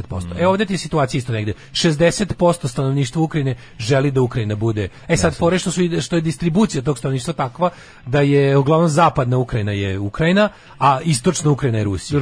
Proruska. Da, da, Pro e sad ono da, kao i naravno da će biti lako, ovaj naravno da će biti lako pola Ukrajine staviti pod svoju šapu. Pa što oni žele? Kako kraju može želi da pocepa može da pocepa pa da bude varijanta ono kao tipa i da uzme više, oni se za sad uzu taj DNR i LNR, mm -hmm. ali bi mogao kad bi hteo kada bi nekakvim kreativnim inženjeringom i raznim govnarstvom on bi mogao da odvali i više istočne Ukrajine. A mali problem je što, što tu kao istočna Ukrajina je, je mislim, cela Ukrajina je žitnica, a istočna da. Ukrajina je rudarstvo. Da, da, da, da. da. Sirovine mm -hmm. i rude. Tako da to je to. Ove, ovaj, duplo jače znači ništa, to govori moje e, ogromno iskustvo iz rizika. Nema rata bez noža. Kaže, evo, da u, u, u, evo ga lagano ulazi u Kijev. Rusi su ušli u Kijev, pao je da. Kijev verovatno. Pa, da. Gledajući podršku zapada, ja da sam Zelenski sutra bi kapitulirao. Pa da. Ovaj da li... Ja li sam Zelenski ja bi isto kapitulirao zato što jedino što zgazit ćete a, i poginuće više. Mene mene malo nervira, gledao sam juče mim kao, gledao sam onaj mim koji on kaže borićemo, svi, svi, svi, svi, svi, svi, svi, svi, svi, u ruskom zatvoru. Njega će uhapsiti i pa, sad je ona i Znaš, meni taj čovjek, meni taj čovjek jako simpatičan. Pa, pa, pa znaš da on bio glumac, on je, on je da. glumac iz one serije, da on je glumio ukrajinskom predsjednika da, da, da, da, da. postao predsjednik. Da. Mislim, on mi nekako bio baš taj nekako, imao mi je taj, od njega za razliku, recimo, pazi, kad je pao, kad je bio Majdan i kad ti, mm. ti sledeći ti nakon koji su došli, su bili priče desni, bili su usjene glave i paktirali su sa onim zaista odvratnim neonacističkim elementima ukrajinskog društva, Azov i ostali. Ukrajina ima problem sa neonacističkom desnicom i te kakav. Mm. Što naravno ne može biti izgovor Rusiji da, da, da iz, vrši invaziju na tu zemlju. Bi prvo mogla, prvo na kraju krajeva brojčano, brojčano da. Rusija ima više neonacista nego Ukrajina. Ako će da, da negde trebi Putin, ako je baš toliki antifašista, nek radi kod sebe. Na ovaj, to, ali hoću da kažem da predsjednici, predsjednici koji su došli posle jel, naranđaste revolucije su bili tako prične. Ovaj bio nekako baš pravi uh, po, pomiriteljski je bio. Bio nekako što više bio je ono jeste vidio da on je, on je on sve svoje sva svoja izlaganja, ovaj kako se zove kada nešto govori, kada ima on on uvek ima izlaga, uvek uh, saopštenja govori na ruskom i ukrajinskom. Mm. Znaš, bio je ono kao čini mi se da je bio baš onako predsjednik svih Ukrajinaca, ma šta oni bili po nacionalnosti. I zato mi se čini, zato mi je znaš kao, zato mi je žao što se njemu ovo baš njemu ovo desilo. Da, da, da, da. Pa, a možda mu se desilo zato što je bio dobar jebote, on, mm. znaš, onim ranim pre nije ne znam, ne znam, ono kao ušli su u Kijev, znaš, fora sa ovim, sa, ne, znaš, kod Ukrajine ne mora da znači da kada, kada ono, padne glavni grad da pada cijela zemlja, znaš, između su ogromno, između su ogromna prostranstva na kojem se može ratovati. Znaš, može se još ratovati. Pa pitanje je da li ovaj će želiti, da, li da, želi, da, da, se, da, da, da, Mislim, istina je da stvarno, u, znaš što, ima onaj mim što kruži kao kako je, kako je ovaj, kako se zove, one kao iz Tome Jerry, kao, e, mm. ona kao udara ga pa kao, mislim, ja ne vidim stvarno kako je to NATO nagovorio Ukrajinu da uđe u sukob s Rusijom. Kako je to, ja stvarno ne vidim gde je Ukrajina ušla u sukob s Rusijom gde, kako je, gde, oni stalno pričaju kako je NATO e, kao e, uvalio Ukrajini da se pokarabasi s Rusijom, kako, šta, ne razumijem, gde se to desilo? Za mene ovo čist unprovoked, ono, ono napad Rusije na, na, na suverenu zemlju, koje ničim nije, Ukrajina ničim nije pretila Rusiji ničim. Niti je ikada ono uzela stopu ruske zemlje, razumeš? Nikada. No. Da. I to mi zato zato mi zato mi ceo taj kontekst ne, NATO može da ispadne. A pa dobro, mi pričamo o tome što Ukrajina tome... nije u NATO, da. NATO brani samo svoje članice. Da, da, da, okej, okay, postoje i varijante da NATO interveniše kada misli da su ono ljudska prava, demokratija, poredak pičke materine, ono ugroženi, ali ovo znaš sad kao znam, ali ovaj ovaj, ovaj intervenišu sa istom tom ono pričom. Zato tome sve to je užasno. Zato mi to je jezivo. On je on je krenuo da brani interese ugroženih Rusa u Ukrajini. da, to je njegova ali, ali, ali ti da pri, pa cela pa priča je bila kako su pa naravno. interesi Rusa ugroženi u istoku, to je pa da. istok već 8 godina, godina nije pod kontrolom da, Kijeva. Da, da, da. Naš nije e, pod kontrolom. Kažem svi mi bismo mi svi pomireni sa tim kao tipa da ono što smo rekli zemlja onog ko na njoj živi Znaš, kao da je on ocepio te dve stvari, pa ih i pripojio, sve bi to bilo, ali ovo je sad, on, on je učinjen napao celu zemlju. On je da. sad, da, on, on je radio invaziju na zemlju. Mođe, oni ratuju no. blizu granice Poljske, oni ratuju blizu granice Slovačke. Mm. Znači, ratna dejstva su svugde po Ukrajini. Da, da. A ako je stvarno pao Kijev, mislim, jebi ga. Ovaj, e, kaže, nije pao, ušli su u Kijevsku borču.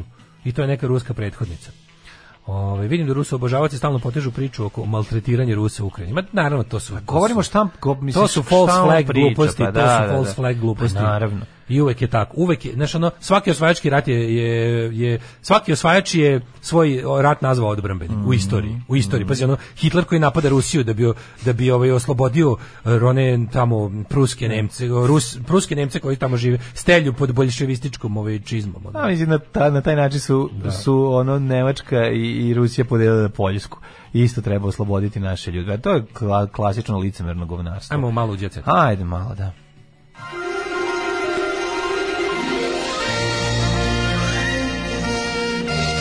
Jet set. Jet set. Jet set. Set. Set. Evo, dobro gripstva u, u jet setu i ne, ne, ne, ne drugog Evo dobro gripstva u jet setu. Evo imamo našu Julian Moore. Ovaj iz to serije. je ova uh, žena od Svetlana Cvetković. Bivša. Bivša. Bivša razišli Razu, su se. E, mlad, nije mogao da istrpi. Čestitam. Srbin sve to za nije mogao da istrpi da je gleda. Da ima cela, ženu cela, lepu. Ne zbog toga, nego kako ćeš ti tamo na onom isti kako se ona skidala u onoj seriji. Jedno, ti vidio, da. ono, katabaza teška. Jel u katabazi je bilo u katabazi je ona. Pa što je bilo goti ti nisi gledao? Nikad. Samo sam vidio. Bukvalno ti Slavka Štinca ja nisi cele jako koren od lake Slavka Štinca nisi mogao celu seriju pogledati. serije video samo katabaza i nije e, jedan. Da. Pa moraš gledati zezati, nemoj me zezati. Pogledaj kako je lepo ovde. A pazi sad, osti sam ti šlag na tort. Putin je u svom govoru istako da je zapad imperija laži. Mm. Glava. Mirka Vasiljević. Da. Da. Da. Koliko je dobro. Ever pregnant. Da. Ever pregnant. Nema mi tu vremena, nema mi kad mladim da se družimo. Pa baš šta je pokazao sam ti, šta se, pa jebi ga, nema veze. To je, to je Vujadin je smislio kako da mu stalno bude na oku, mm -hmm. vazdan osjeća. Ovaj, jebi ga. Milica Pavlović priznala, voli mlađe muškarce, sviđaju se voja. Volim mlađe muškarce. Volim mlađe mene, muškarce. Mene, bravo Milice Pavlović. Volim mlađe muškarce, ne podnosim je. Daško muškarce. Ja sam mlađe, Sviđa mi se vojaž. Uh, nama se sviđa vojaž u Tako, ajde napravimo double date. Ti dođi Ajmo, s vojažom, mi sa vojažom u Sve glasnije priče o paravange ženitbi Miloša Bikovića, e, o ženitbi Miloša Bikovića. Uh mhm. -huh. A, nakon što je procurila informacija da će se Miloš ženiti Ivanom na Mokroj gori, umetnik kaže da se to možda već i desilo. Uh mhm. -huh. E, ljubave velika. Ove, e, Mokra e, gora je bila kad sam skenjen. E, Milica Pavlović je među onima koji su skenjeni ili ispaljeni za koncert Vesne Zmijanac, za one za koje nije vratila ulaznicu. pa ne, ja ne mogu. Ve, obožavam Vesnu Zmijanac, Naravno, ispalio sve, to mi je toliko carski. Marija proslavila čerkin rođendan, Marija Veljković, njena čerka Neva je proslavila rođendan, a Pišolina Pišek se vratila sa safarija u, safarija u Majamiju. Mhm. Slušaj ovo. E, crkle smo više od 304 e, hektara površine i 3000 životinja, safari za pamćenje. Posebno mi se dopala temperatura 30 stupnjeva i pedaliranje u tim uslovima. I vozili su one veliki, znaš one Everglades, one Pišali one, na pišek. Znaš one e, oni Everglades sa propelerom, propeler čamci. Lalegator da. čamac. Ventilator čamac, fan, da, da fan da, da. boat. Ej, samo ti kažem Anastasiju posle raskida spopadaju razni muškarci prepisku od vrača. Hvala Bogu da si ostavila dečka. Ti si najlepša devojka koja postoji. Sad mogu da ti se udvaram kad te sretnem u gradu. Čekaj, ja sam pravi muškarac za tebe. Pišem ti lažnog profila. Bilo lepi komentari. Ja sam pravi muškarac za tebe, pišem ti se. To daj me blok. Slušaj, kakva jedna rečenica potire drugu.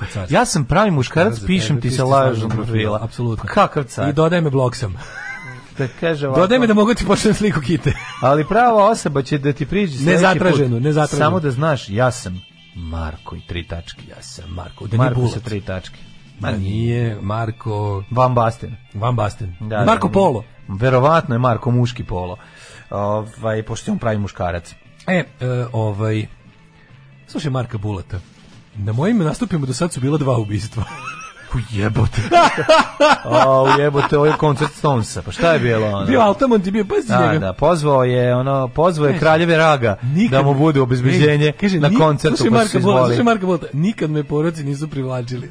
no, Marko Bolt ne lagati, ono, ma kako pa, koji si bandit? Čime nego ono kokainom možeš da spojiš, ono, Darth Vedera i Svetog Savu. Ženu, Čime on može, ono? Nisu napravljen od kokaina, jebote. Da, da, da, ono, Marko Bolt možda ne postoji, on je samo ono posuda za kokain. A pa nije samo posuda, ima tu svega, ali ono Marko Bulat, ono ljubitelj zvezdanih staza i Snimao i, sam albume, nisam imao gostovanja, nisam razmišljao o tome. Bile su lude godine. Mm. Naravno imao sam strah, doza straha koja ne prelazi nivo dostojanstva. Ubistvo je bilo jedno za novu godinu, a drugo Bojana Banovića, uh, ovaj sedeo sam, nema šta da reaguš u tom trenutku. Uh, kaže da je uspeo da ne zakorači u kriminal. Mm karijeru mogu da završim kad god hoću. Pa svako može da završi karijeru kad god hoće. Možeš šta je ovo, mislim. U mogu da se ubijem kad god hoću, pa svako može da, da. kad god hoću. E, završeno snimanje državnog službenika, a to sranje, majko. Nisam gledao ni jednu uh. epizodu. Ove, I za kraj Marija, u suludo vreme muzika je jedini spas. E, a pa za nas je jedini spas, spas vaš tako. Patreon. A Patreon.com da. kroz Daško i Mlađa, e, Paypal, OTP, Exvoban, svi su dragi. Večeras u Pero Baru od e. 21 čas. Puštam Italo Disco, dođite na revolucione sesuale, e, ritmovi, e, ludujmo kao da će na leto da bude Italija 90. mundijal. Hoće biti u ritmu mlatimo, u ritmu Latino. Naravno da će biti u ritmu mlatimo shvatimo. Šta? Dolaze i Čičilina, i Moana, i ra, lažni Rudgut. I lažni Rudgut. Biće kao na evropskom prvenstvu 90. u Italiji. Što bi rekao, Peđa the Boy, aj se zezamo. Ne, ajde, i dođite jebote. Ćao jebote. Tekst čitali Mladin Urdarević i Daško Milinović. Ton majstor Richard Merc. Realizacija Slavko Tatić urednik programa za mlade Donka Špiček. Alarms svakog radnog jutra od 7 do 10. Oh, you touch my